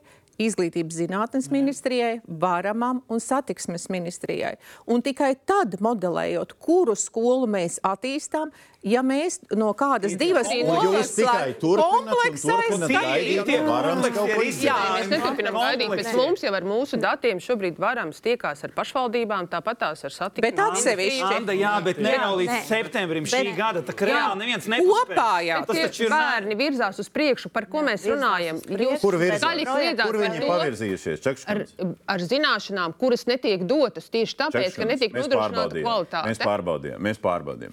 Es Varams, vides aizsardzības un reģionālās Dombrovkungs. aizsardzības ministrija tūlīt, tūlīt, tūlīt. Līdz ir iz, izsūtījuši anketas pašvaldībām. Jā. Lai viņi atsūta uh, savus projektus ar termiņu rītdienu. jā, jā, Viņi jā. nekur Es nevirzās. arī saņēmu. Jā, Jā, viņi nekur nevirzās. Viņi, viņi, ja anketas Jā, izsūtīšana ir Es virzība. zinu, Varamam ir bijušas gan tēt, Kurzemes reģiona pašvaldību tikšanās, un, ja nemaldos, arī Latgales reģiona pašvaldību tikšanās. Viņi eh, virzās. Tikšanās nav virzība. Nu, ko nozīmē tikšanās? Pasēdējām, parunājām un izklīdām. Jā. Tā nav virzība. Arī mēs tikāmies trīs reizes, jo tā ir nav. Diskusija par to, ko- kuras, kur, kas viņiem ir nepieciešams, kāda infrastruktūra nepieciešama. pašvaldības pieminām, man ir šis ir pa jūsu tēmu. Kas pēc jūsu pieredzes starp pašvaldību, ministriju un, un, un, un, un, un es nezinu, ko vēl? Um, nu, kas ir tas modelis, kur vainīgi ir pašvaldība vai kur nav? Uh, raugiet, tieši iespējams, ka šie te attālumi ir viens tāds moments, kuram ir vērts pievērst uzmanību. Jo, pieņemsim, Vesterāns kundze stāsta, cik viņiem ir forši. Un, protams, tas uh, IZM ļoti patīk. Bet uh, es gribu pajautāt, kādi ir, uh, kādas ir, kādi ir attālums tam šīm, šīm izglītības iestādēm, uh, kuras jūs tur pilsēta. un kādas jums tur ir. Viņi noteikti ir pāris kilometru attālumā. Vecrēns Mēs runājam par galvu. Jā, 20, es pilnīgi 30 jums piekrītu. Tāpēc es arī teicu, tā ir pilsēta, un mēs Mhm. reformu veicām piecu gadu ietvarā. Šobrīd Tie- pēc arī situācija novados ir radikāli atšķirīga. Tāpēc mēs runājam gan par attālumiem, Gan par nepieciešamajiem finansējumiem un laiku. ATR reformas rezultāti. Runājot par finansējumu, uh, Mērsek vidusskolai gadā ir nepieciešams 130 tūkstoši, lai uzturētu vidusskolas uh, izglītības posmu. Nu, tas, tas, kas uh, pedagoģa algas ir. Ja? Jo jumts jāremontē tāpat, viss pārējais tāpat. Pedagoģa algām ir nepieciešams 130 tūkstoši. 130 tūkstoši tā ir viena uh, valsts sekretāra alga uh, finanšu ministrijā. Nu, piedodiet, viena cilvēka alga pa gadu, un tur ir uh, pretī vidusskolas posms, uh, kurā ir uh, vairāki pedagoģi, desmitiem bērnu un vēl vairāku desmitu vecāku parlamentāros. Kompensācijās Par ko saņēma pagājušajā runājam? 236 Valsts tūkstošus, divi nostrādāt gadi. Manets, bet, Manets, kungs, no otras puses paskatāmies. Mēs ar, skatoties uz tām, uz tām skolām, nu, Mērsraks gan 9. gan 12. klasē Mērsraka vidusskola zem vidējā. Jūs tur uh, varat iedot mums savu izskaidrojumu, ja ne skolas izmērs, tad kas pie vainas, ka jūs esat zem vidējā, bet cīnāties par eksistenci? Uh, tur ir daudz pedagoģu. Starp citu, es esmu vairāk kā desmit gadu strādājis pedagoģijā. Un, uh, Man arī šī tēma ir pietiekami tuva, bet tur jums ir daudz pedagoģu un uzdodiet viņiem jautājumu, vai katru gadu ir pilnīgi līdzvērtīgi rezultāti. Vai tomēr tas ir atkarīgs arī no uh, izglītojumiem, kuri vairāk ir uh, avansēti un varbūt kādu gadu mazāk Es avansēti, un vēlos par pētījumiem runāt. vidējā, bet Tas, nav, tas nekad nebūs vienmērīgs rezultāts. Es dom- Protams, Es gimnājām ir citādāk, jo tur vienkārši apkopo Es šos cilvēkus ar izcilību. Jā. Ja mēs runājam par izglītības kvalitāti, manuprāt, mums te pietrūkst objektīvi dati. Un es tūlī, tūlīt arī minēšu, mēs šobrīd operējam ar centralizēto eksāmenu rezultātiem. Vēl mēs varam palikt, pielikt klāt eh, mācību olimpiāžu rezultātus, bet izglītības ministrija šobrīd strādā, un manuprāt, būtu jau bijis jābūt lietā eh, izglītības kvalitātes monitoringa rīkam. Un tas ir mērķis, lai mēs mērītu katra bērna sniegumu un attīstības dinamiku. Un tikai tad mēs varam, vai tas būtu triju klašu griezumā vai katru gadu, izmērīt šo sniegumu, tad tie dati būtu uh, objektīvāki. Jo šobrīd mums ir jāsaprot, ka katra bērna spējas un vajadzības ir atšķirīgas. Un, protams, šobrīd šis skatījums izpaliek. Tagad to- arī to iekļaujošā izglītība. Tam es nevaru jā. piekrist. Mēs tieši Es teiksiet par mērījumiem? Es teikšu mē, par mērījumiem to, ka jaunajā reformā ir atsauce uz OECD pētījumiem, jo- jeb OSCE pētījumiem. Ja, Arī, arī par Arī vardarbību, tāpēc ka lielajās skolās ir Latvija viena no pirmajām vietām pēc uh, vardarbības līmeņa. Arī. Un tā tad, skolās, eh, es atvainojos, Čakšs kundze, es pabeigšu. Un tā tad uh, ir atsauce uz OECD pētījumu, bet tas ir pētījums, es gribu atgādināt uh, visiem klātesošajiem un arī klausītājiem. Tas ir pētījums, kas tiek veikts daudzās, uh, daudzās valstīs, un Latvija ļoti labi veic šo pētījumu. Un? Bet tas ir pētījums par visu izglītības sistēmu kopumā. Un? Savukārt par katru skolu individuāli uh, pētījumā nav teikts, bet un? kas ir teikts? Ir, ir eksperti šajā pētījumā ir teikuši, ka ir jābūt ļoti piesardzīgiem ar skolā, skolu skaita samazināšanu, jo ir jāizsver, uh, vai, uh, vai labāk kā ir, vai tiešām atmaksājas veikt skolu samazināšanu. Vai tomēr, eh, ja piemēram, nu, es minēšu atkal šos eh, bērnus, kuri varbūt nevar iekļauties tik lielās skolās, vai pēc tam, ja valsts viņiem maksās pabalstu un viņi nevarēs iekļauties nu, tā sauktajā darba tirgū, vai tas tomēr nebūs dārgāk nekā, ja, ja viņi, piemēram, apmeklēs uh, privātās skolas. Bet, uh, Tātad ārzemju eksperti. Tikai jūs neaizraujieties to privāto skolu labēšanu. Viņas ne. ir ļoti mazs procentīšs no visas valsts. Jautājums ir, bet ir viņas par... dara lielu darbu. Mazas Visi dara lielu varbūt. darbu. Jā, protams. Visiem liekas, ka viņi dara vēl lielāku nekā dara. Jautājums par iekļaušanos. Vai iekļaušanās darbu, par iekļaušanās darbu nav atbildīgs pedagogs klasē, vai nobāžot bērnu stūrī un nepievēršot viņam uzmanību ar nepietiekamu atbalstu personālu, vai bērns pēc tam varēs turpināt mācības un tiešām sasniegs savu labāko, vai mēs turpinām kā ir. Un, un tas, ko mēs redzam, tiešām daudz skolas no bērniem, kam ir papildus vajadzības, viņus iztumj ārā uz mazajām lauku skolām, kā jūs sakat, nenodrošinot turpretī to uh, atbalstu personālu, kas ir nepieciešams. Šodien, vei, šobrīd veicot aprēķinus, papildu personālam ir paredzēts par 30% vairāk finansējumu, kā tas ir bijis līdz šim. Mēs redzam, ka te un, ir. Un aprēķini. Jā, un arī tas un ir taisnība. Fiziski tā. Papildu personālam būs vairāk vai ne?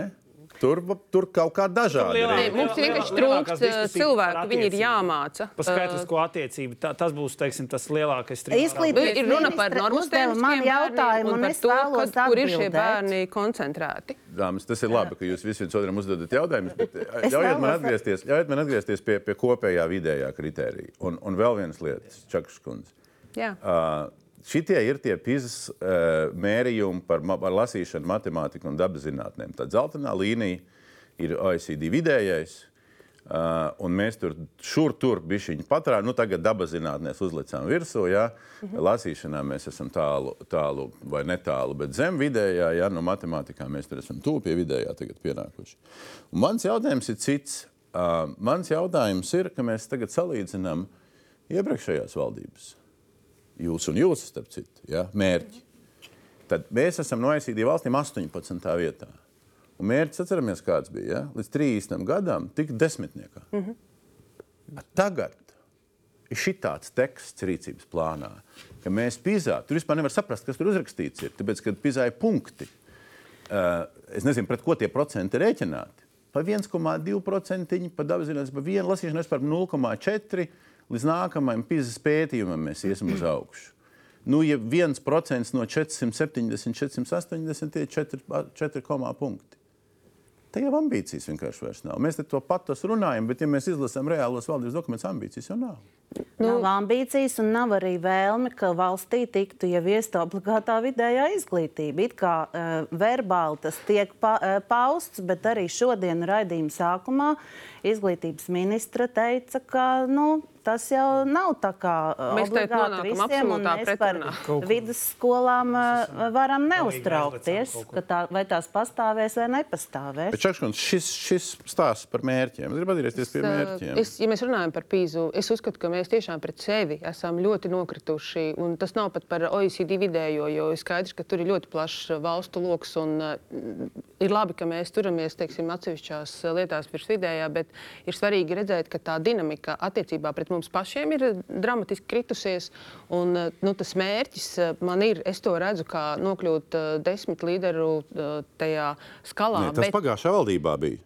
Ar 0,4 mēs nevaram tikt ne pat 15. Bet vietā. mēs nevaram šobrīd diskutēties par to, lai mēs runātu par kvalitāti. Tiešām mēs nepārtraukti atceramies pret kaut kādām citām lietām, un tad, kad mēs sākam runāt par kvalitāti, diemžēl mēs ejam atpakaļ tur, kad mums vajag skolas ar trīs bērniem. Jautājums ir, vai mums pretī ir kvalitīvi skolotāji, ko likt trīs bērniem. Mums šobrīd trūks skolotāju. Mēs runājam par ļoti daudzām lietām, bet tad, kad mēs runājam par kaut par ambīciju, tad nu, mēs nonākam vienkārši pretrunās. Jo jūsu uzdotais jautājums ir pretrunīgs tam, ko mēs visu laiku esam Nu, tas, vai apsprieduši. skolēnus, lielāks skolēnu skaits klasē garantē kvalitāti. Mēs runājam par trīs izmēra klasēm, un mūsu mērķis ir 16 līdz 22 bērni. Un viens ir tiešām, kā jau Batņas kungs teica, nav stāsts tikai par akadēmiskajām zināšanām.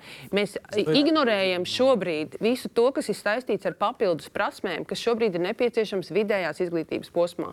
Mēs ignorējam ļoti daudz lietas, un, protams, lēkājot pa visu teritoriju. Jā, izglītības nozarē ir ļoti daudz kārtojumu lietu, bet viena no tām ir skaidrs, ka mums demogrāfija un šobrīd finansējums ir se- seko demogrāfijai, nevis tam, cik labi tiks realizēta programma, bet tieši demogrāfijai. No tā cieši bērni un no tā cieši skolotāji. Ja mēs to nemainām, tad paliks tā, ka tur, kur ir maz bērnu, skolotājiem ir maza alga, tur, kur ir maza alga, mēs nevaram dabūt cilvēku, kas grib strādāt, kurš ir labi sagatavots un iedot bērnam kvalitīvu uh, izglītību. Tik vienkārši. Un tad ir jautājums, Tik vai mēs vienkārši? gribam to pagriezt. Vienkārši es gribētu Čekas kungai tā kā pateikt, neviens šobrīd neizstāv skolas, kurās ir trīs bērni. Es pats jums arī personīgi esmu teicis, ka es esmu, es, nu, dabūšu sev pa virsmu visu kaut ko. Twitterī. Bet, bet es, es, es nevaru atbalstīt skolas, kurās ir apvienotās klases. Es tajās esmu strādājis, un tādas Latvijā ir 51. Kāpēc jūs pie viņām nekērāt? Nē, šobrīd tas ir ļoti skaidri. Tas ir ļoti skaidri ir noteikts, ka nevar būt uh, apvienotās jau klases. No tām skolām mēs arī varbūt to kvalitāti arī kaut kādā veidā bišķiņu pacelsim. Jo, piedodiet, man pedagogi ir stāstījuši, cik superīgas ir metodes. Es pats tādā klasē esmu strādājis, es liekam neprotu ar tādiem Bet, tādiem. bet šobrīd modelī ir pieļautas klases ar septiņiem bērniem. Nu, es domāju, ka es tas ir un pierobežā ar pieciem bērniem. Es domāju, tas ir vairāk ir par tām, līmenis. kuras ir uz robežas. Nē, tieši tā. Un nav pat viena pieciem, bērna. bet kuriem ir 15. Precīzi, Rudolf. Ir klašu grupa. nu, Un, un tas, ko es gribēju pateikt, ka mēs jau Nav nesakām, tā. ka tagad man neaiztieciet skolu tīklu. Kvalitāte ir būtiska, un ja tā kvalitāte, jūs atceraties, ko mēs jums maijā iedavām, ja jūs redzat, ka pēc saviem kvalitātes monitoringa tai skolai krītas līmenis, jūs brīdināt pašvaldību, un ja vēl pēc gada krītas, jūs vienkārši atņemiet viņiem finansējumu, jo kvalitāte nekā. Bet- Kvalitāte ir Jā, būtiska, jā, bet ir skolas. Mēs runājam šeit par mēsegu, ka tur vidējais. Labi, bet modelī jau nav tā kvalitāte. Pabeigšu. Bet es gribētu konkrētu tas- skolu, kur apmeklēju, Rudzātu vidusskolu. Tur jau desmit gadus ir kvalitāte virs vidējā, krietni augstāk, bet mēs viņu slēdzam. Mēs ne, Nu, No Mans piemērs par astoņām un desmit skolām. Divas ir labas, bet viņas aiziet pēc modeļa līdzi tām astoņām. Un, protams, ka emocionāli kopiena to nesaprot. Bet, Rudolf, Nu, Bet tā nav. Nu, Rudolf, nu, tā, tā ir tagad, nu, nu, nu, Vienkārši- interpretēta informācija. Bet saprotiet, ka ne, nedrīkst Tā slēgt skolas un tikai pēc tam domāt par to, kāda būs tā Bet ne, mēs neslēdzam nevienu skolu. Nu, šajā plānā ir, skolas vai nu pašas aizveras. Čakškundze, nu, būsim reāli. Šodien bērnu. izskanēja, izmocīja uh, radio uh, pārraidē, saskaitīja virs 70, kas vidusskolas, kas neatbilst kritērijiem. Jā. Virs 7, 7, 7 kopā sanāca. Ja? Nu, cik pamatskolas neatbilst kritērijiem? Bet tad vēl ir Cik pamatskolas neatbilst kritērijiem? Nu, pasakam. Bet mēs, cilvēkiem. mēs Cik- vēl- Cik pamatskolas neatbilst kritērijiem? Neatbildēšu uz šo jautājumu, tāpēc, Kāpēc? ka nevar katru vienu skolu. Es Kāpēc jūs pateicāt, Tāpēc, ka radio es 27? arī teicu, ir divas skolas, kuras šobrīd neatbilst kritērijiem, bet nevar izdzēst abas skolas Kāpēc jūs no. nosaucāt tos skaitļus? Un es piebildu, un es piebildu, ka mēs nevaram izslēgt nevarat? no kartes. Kāpēc nosaucāt par šīs vidusskolām un nevarat Ir, par Tāpēc, ka tēma bija par Kolēģi, un mēs redzam, redz, ja šeit jau studijā ir cepiens un, pā, un interpretācija, pārpratumi, šeit, kur it kā skatītājs skata, nu, ka te ir eksperti un visādi zinātāji, nu, tad mēs nevaram iedomāties paspēt šo reformu kvalitatīvi mm -hmm. pārdot. eh, Es Jautājums Ja jau šeit vai bijusi Kalankungs, diskusija, Kalankungs. tāpēc jau arī tā Kāpēc? notiek. Lūdzu. Nav Jautājums, vai šo reformu pārdot lēni, vai arī ātrāk, bet koriģēt citādu reformu. Nu, iespējams, bet, ka, bet, bet šis Piemēram, ir pierādījums ja jau mēs šeit šovakar studijā. Jo Ja nav ja piecas skolas, kuras nesasniedz, kuras nesasniedz šos uh, rādītājus, tad pašvaldība izvērtē, kura ir šī labā skola, kur ir šie labie sasniegumi labi. un veido no tām, lai būtu gan sasniedzamība, Nē, gan labi viņi grib atstāt- rezultāti. Viņi grib atstāt to pilnīgi vienu- visu. Nē, viņi grib atstāt to pilnīgi no tā, visu. Nē, viņi Jā. to vienu grib atstāt nemainīgu no tām piecām, no, bet tā viena nu, tāpat neklasificējas nu, pēc tā valsts finansējuma. Un tagad rodas pretruna. Bet viņa ir laba. Bet valsts dotācija 10, 12 nebūs tomēr pēc tabulas. Katrā sākas pretruna. Tāpēc, tāpēc vajag Nu, Edita uzmanīgi sadzirdēt. Mēs esam vairāk kārt teikuši, ka ar pašvaldībām tiks slēgts sadarbības līgumi. Mēs ļoti labi zinām, ka pieņemot lēmumu ir pārējais periods, kāda veidosies bērnu plūsma. Ja pašvaldībām. Tiešām šogad Tas nav reāli. Bet pašvaldība ir dibinātājs un īpašnieks. aizējām. Jūs esat viņiem nosacījumu uzlicis. Jā, Jā. to mēs arī darām. Līdz ar to ir dibinātājs ar ierobežojumu. Jā. jā, ar nosacījumiem, kā saņemt finansējumu. šobrīd, ja ir Un skaidri- varēs līdzmaksāt, ja ir vēlme saglabāt skolu, kur neatbilst kritērijiem, pašvaldība var līdzdarboties ar savu finansējumu. Nu, Ja viņai ir finansējums. Bet šobrīd pašvaldība ir autonoma. jā, bet Anna, zina, kā Kāds tad ir Mēs Jā. jums atļaujam, bet zinām, ka jums naudas nav. Bet Ja kas mēs jau, esam labi, ja jūs Jā. būsiet Viņi saka, ka reku ir laba kvalitāte, bet kāpēc tad pie labas kvalitātes valsts neturpinās dot? Tevi tā emocionālā pretruna, kas sacepina, to, nu, Jā. to ir grūti. Ja nu, ir blakus Sakiet divas skolas, lūdzu, mēs skatāmies uz cilvēku resursu, uz visu. Tad izglītība? kāpēc ir Jā, nevar man arī tāds Bet tur jau jautājums. ir stāsts tikai par tām, kas ir jautājums. blakus. Okay. Dāmas un Kurš kungi, ir runā dāmas tikai par tām, kas ir tuvu un blakus. Mārnīts kungs uzdod viens Jā. jautājumu. Jā. Kurš atbild, ka valstī tiek nodrošināta vispārējā izglītība? Tāds klusums. Nu, valsts. Kur Valsts, ka valstī tiek nodrošināta. Jā. Jā. Ar to mēs arī izbeidzam šo diskusiju. Kādas sakars par pašvaldībām? Tā ir jūsu tieša atbildība. Protams. Jūsu Tad jūs, no, finansējums. tad jūs ir iesakāt nodot valsts pašvaldībām skolas valstī. Nepārlieciet uz pašvaldībām. Nē, pagaidiet, uz- atbildiet tagad man. Tad jūs iesakāt nodot valstī? skolas valstī. 90. Nu, ka 90. Lūdzu, manis pēc, man taču ir vienalga.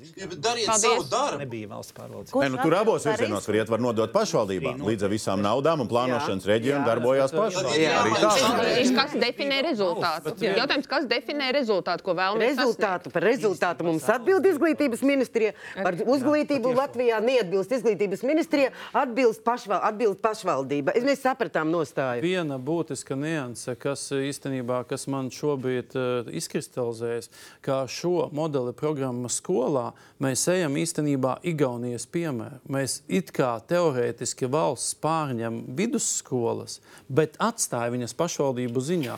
Bet finansēšanas mehānisms aiziet uz valsti. Tas ir tas pātagas princips, ka ja jums nebūs naudas, tad jūs nevērsiet tās skolas. Un Igaunijā jau ir tas princips. Igaunijā tie satura rezultāti nav slikti, maigi Jā, bet Nu, tad varbūt, ja Nu, tur ir ģimnāzijas. ir Jā, Ja mēs- varbūt, ja mēs darām A, Batis nu kungs, tad es darām B, precizēšu. pārņemam. Es precizēšu. gimnāzijas. Jā, nu vispār Mēs- līdz naudai nemaz netikām. Līdz Nē, tas- modelim mēs tikai pa tīklu. Ja es var par jautāju arī jums par naudu. Ja jūs negribat par to runāt, ja jūs negribat atklāti pateikt, cik ļoti tas modelis jums uh, rada nesapratni Ā, nē. naudas samazinājumu, nē, nu šo- tad tā ir jūsu izvēle. Nē, nē, Jūs mod- to nesakat. Nē, es- esošais, es vienkārši negribēju par tēmām lēkāt. Esošais modelis entajiem lielu un vidēju skolu direktoriem, tā izskaitā arī valsts gimnāziju direktoriem, pie esošā tā modeļa instrumentārija, kas ir mūsu rīcībā, eh, parādīja, ka salīdzinājumā ar tagad svaigo janvāra dotāciju algu fondu mēnesim,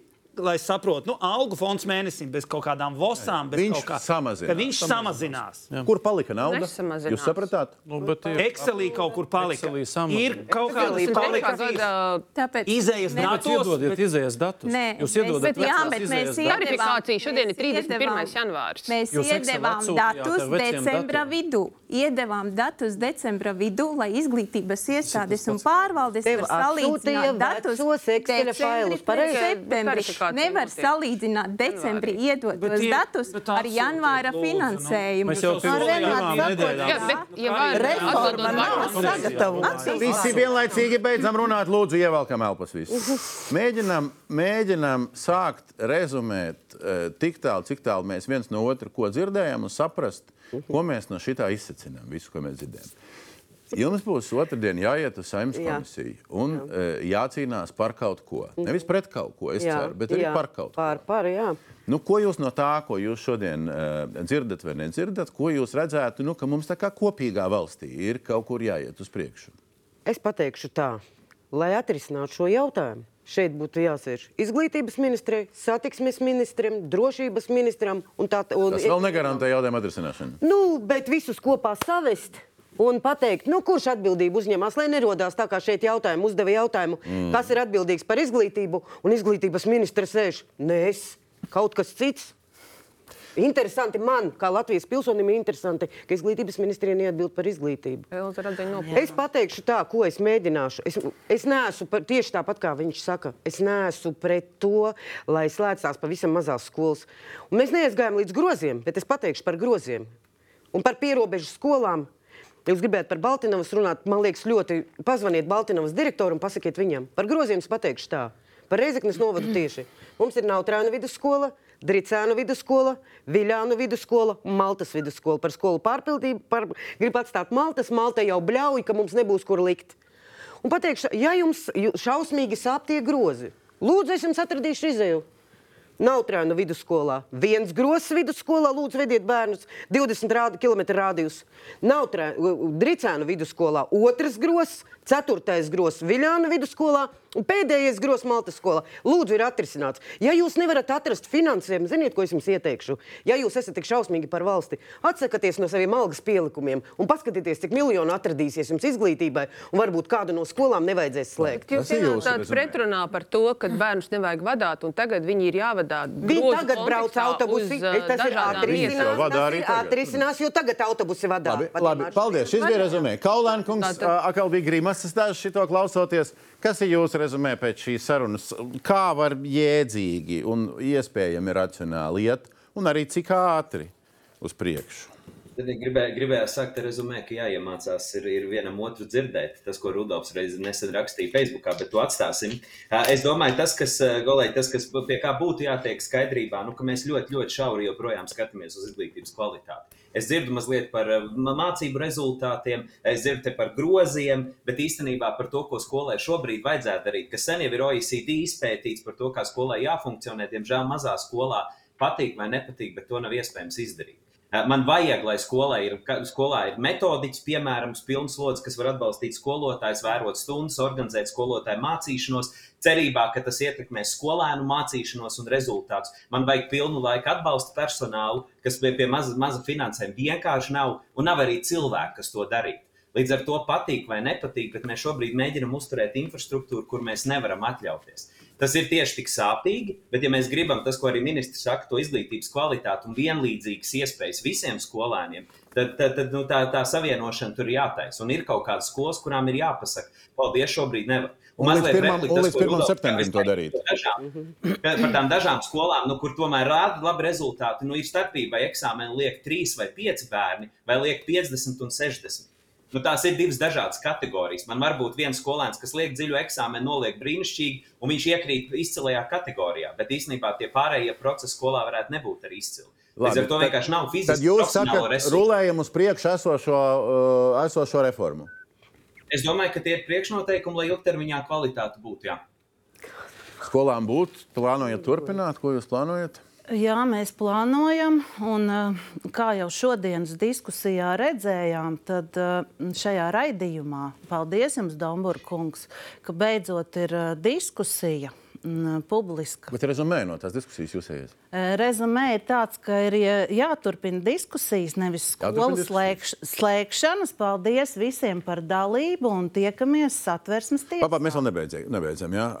kur tiekamies? Satversmes tiesā. Lai apstrīdētu ko? Lai apstrīdētu uh, satversmes 112. panta neievērošanu. Kurā tieši dokumentā? Uh, Tieši dokumentā, ka netiek domāts par, uh, par bērniem, kuriem To ir. jau nav nekas pieņems, ko apstrīdēt pret 112. pantu īsti. Nu, cerams, Nu, ja ka arī netiks Te pieņemts. Tas ir cits ja jautājums. tiks pieņemts, Labi, tas- nu, padraudējās atversmes tiesu. Labi, uh, jūs paliekat pie tā, ka galvenais ir te nevis ko mainīt kvalitāti, kur, bet tikai ātrums. Vai arī es tā kā pārprotu? Tas ir nozīmīgs priekšna- priekšnosacījums.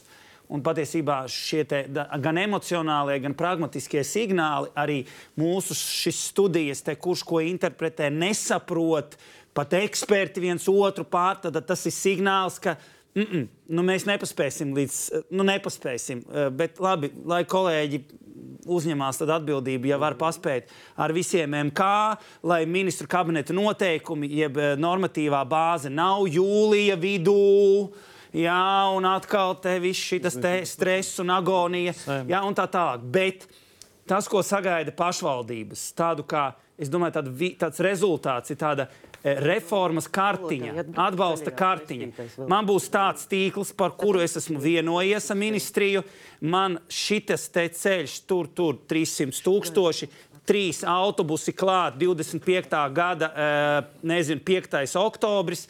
Eh, Te, tur būs atbalsts, tas, tur tāds centrs. Šis ir tāda tā kā kartiņa ar, eh, ar reformu, ar atbalstu. Tur satiksme, tur varams, tur konkrētas apropriācijas pārdales jau ar ašarādeni. Viss ir sarunāts, viss ir skaidrs, diskusija vairs nav.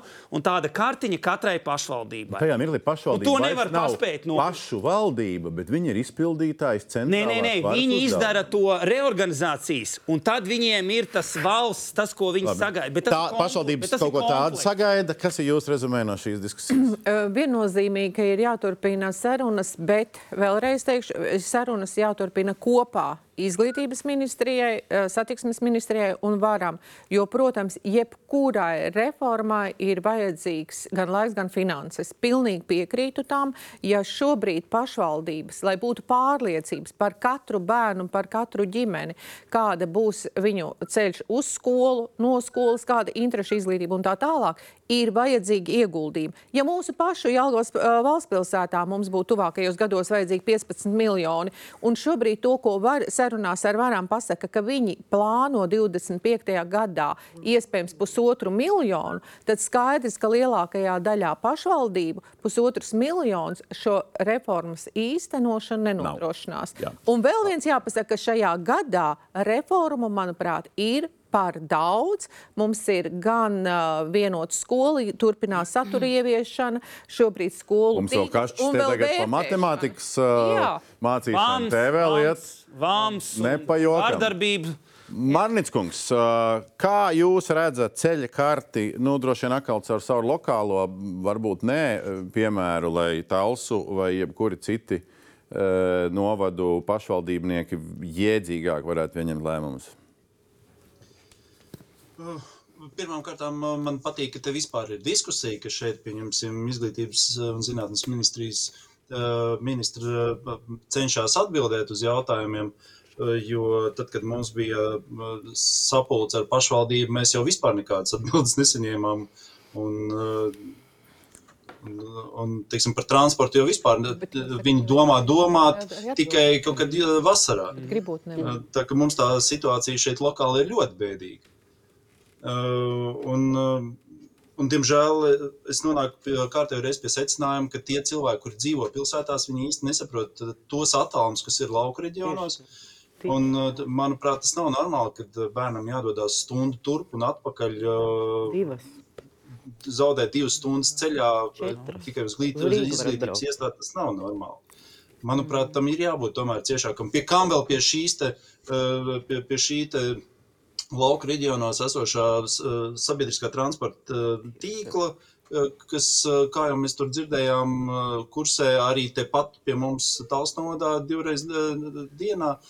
Un ne jau tāpēc, ka to cilvēku nebūtu, vienkārši tāpēc, ka liela daļa brauc ar personīgo transportu. Un, un, Un, manuprāt, arī daudz dati ir ļoti nepareizi skatīti, jo neviens ne- neņem vērā to, ka, pieņemsim, tepat mūsu mērsagā liela daļa iedzīvotāju īstenībā ir ienācēji.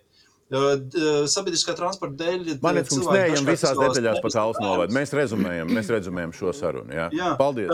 paldies. Bet, jebkur, jebkurā gadījumā, manuprāt, šī, šī reforma ir ārkārtīgi nepārdomāta. Paliksim pie tā. Manits kungs, paldies. Jā. Uh, Vaģis kungs, tad ko apvienotais saraksts grasās nākt uh, ārā ar kaut kādu alternatīvu izvērstu reformu vēl tuvākā laikā? Mums būs, uh, ir, teikšu tā, ka ir labas lietas šajā reformā. Piemēram, es uh, viennozīmīgi saku, ka uh, direktoru atalgojums, vietnieku atalgojums, tās lietas, tās beidzot ir sakārtotas. Iespējams, arī jauni cilvēki vēlēsies vadīt skolu. Pie patreizējām algām tā ir nekonkurētspēja, viņa neiet. Bet ir daudzas lietas, ir nianses, un uz tām es jau kā minēju, mums būs aptuveni kopā 30 piedāvājumi.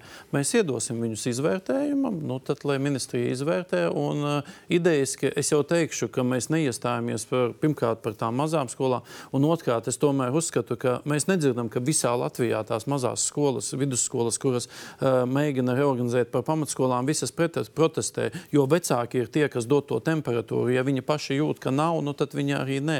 Bet ir dažas tomēr lokālās nianses, mērsregi, rudzāti, vēl kaut kur, kur tomēr ir, uh, nu, būtu nepieciešams dot pašvaldībām nevis pātagas principu, bet pašvaldības arī saka, ka mums ir vajadzīgas šīs skolas. Viņas neatbilst tam kritērijam, bet viņas atbilst kvalitatīvam kritērijam un citiem kritērijiem. Nu, iedodiet mums proporcionāli uz to skolēnu naudu. Paldies. Tas ir būtiski. Mēs šodien dzirdējām, eh, ka ir 15 izņēmumu gadījumi. Man liekas, būtu forši, ka cilvēkiem būtu izglītības ministrija nopublicējusi, uzrakstījusi, cik vērtējam, ka izņēmumu gadījumus, pēc kādiem kritērijiem, eh, cik nebija, cik bija. Būtu forši, ka pateikt, ka ne ir tikai 77 uh, vidusskolas kvalificējas, bet ir arī X pamatskolas, kas kvalificējas un tam līdzīgi. Čakškundze, man liekas, ir tas jautājums, nu, īsā versijā noslēdzot, ja mēs esam pārtērējuši jau ēteru laikus, bet turpināsim. Īsā versijā. Man liekas, ka ir divi varianti. Viens variants ir koalīcija, ja viņi paliek šajā sastāvā. Vienkārši turpina rulēt, un jūs varat iesniegt, ko jūs gribat, mm -hmm. protestēt, jūs varat visu jūs varat tā teikt, un vienkārši jūs rulējat pēc šī principa. Ja? Otrs variants ir kaut kā savādāka pieeja. Tuvākos mēnešos, vai arī vispār jautājums par to 1. septembra kā termiņu. Redzat, eh, ja mēs runājam par izglītības kvalitāti, patiesībā šis nav pirmais mēģinājums, man liekas, eh, mm, skatīties uz to, ka mums nav labi rezultāti skolēniem. Un mēs runājam par eh, zināšanu sabiedrību, bet visu laiku paliekam pie tā, ka nu, mēs apmierinamies ar to, ka nav labi rezultāti. Un manā skatījumā šobrīd tie, tas draudz ir par to, ka mēs veidojam segregētu sabiedrību. Jo tie vecāki, kas novērtē izglītību, jau šobrīd balso ar to, ka ved bērnus uz citām skolām. Un man liekas, ka te ir ļoti būtiski saprast, ja mēs tiešām par katru bērnu iestājamies, mums ir jānodrošina kvalitatīva izglītība. Un šīs diskusijas ir bijušas gada garumā. Pašvaldības ir visas informētas. Mēs esam runājuši trijos, nu jau ceturtajā ciklā. Īsais atlikums, sausais atlikums, rulējam tāpat. Es uzskatu, ka mums ir jāvirzās uz priekšu. Mēs uh, ieklausāmies pašvaldībās, mēs ļoti daudz ko esam ņēmuši vērā. Kopā ar Varam ministriju ir izveidots investīciju fonds, kādā veidā atbalstīt pašvaldības. Ir jāsaprot, ka izglītība ir liela vērtība. Un, ja mums sabiedrība tiešām nevērtē izglītību, tad ir tas otrs, ko jūs sakat. Nu, mēs varam teikt, labi, tad lai ir kā ir. Bet manā skatījumā mēs nevaram kļūt par tādu turīgu sabiedrību, kur izglītība dod ienesumu, ja mēs sakām, nē, mums to nevajag. Tas nozīmē, ka neviens, kas apšaubīja jūsu šī brīža uzstādījumus, neviens jūs nepārliecināja. Jūkas, Es eh, daudzas detaļas tur ir jau iekšā. Eh, Šobrīd tas eh, modelis, ko mēs lie- liekam, es, ja nemaldos, šodien tapā iet uz sabiedrisko apspriešanu. Jā, jo ir ļoti daudz labojumu nākuši klāt nepārtraukti. Mēs ieklausāmies nepārtraukti pašvaldībās. Mēs dzirdam, ko cilvēki runā. Mēs esam, ir vērtēts un ir mazās klases, vidējās klases, lielās klases, skolotāju eh, atbalsta personāls. Ir ļoti daudz lietas, tur jau ir ietvertas iekšā. Vienkārši iespējams, ka ne visi to šobrīd ir izlasījuši, un daudz detaļas tur ir iekšā. Pirms šī raidījuma vēl tas modelis nebija nopublicēts. Nebija, zinu. Iespējams, šajā uh, naktas stundā ātrāk nekā brīvdienas piešķiršana pēc hokeja spēles. Uh, viņš ir nopublicēts. Es es jūs uzaicinu uh, uz publisku apspriešanu arī šai studijā. Es nezinu, vai visus akurāt šai sastāvā, bet visus uzaicinu uz nākamo apspriešanu. Lai saprastu, vai tajā, kas šodien ir, vai rīt tiks nopublicēts, vai tur ir vairāk atbildžu uz tiem jautājumiem, kas šovakar izskanēja. Paldies visiem par tikai sarunu. Paldies skatītājiem par 7. uzmanību. janvārī, tad, kad būs iesniegts saimā, tad arī būs.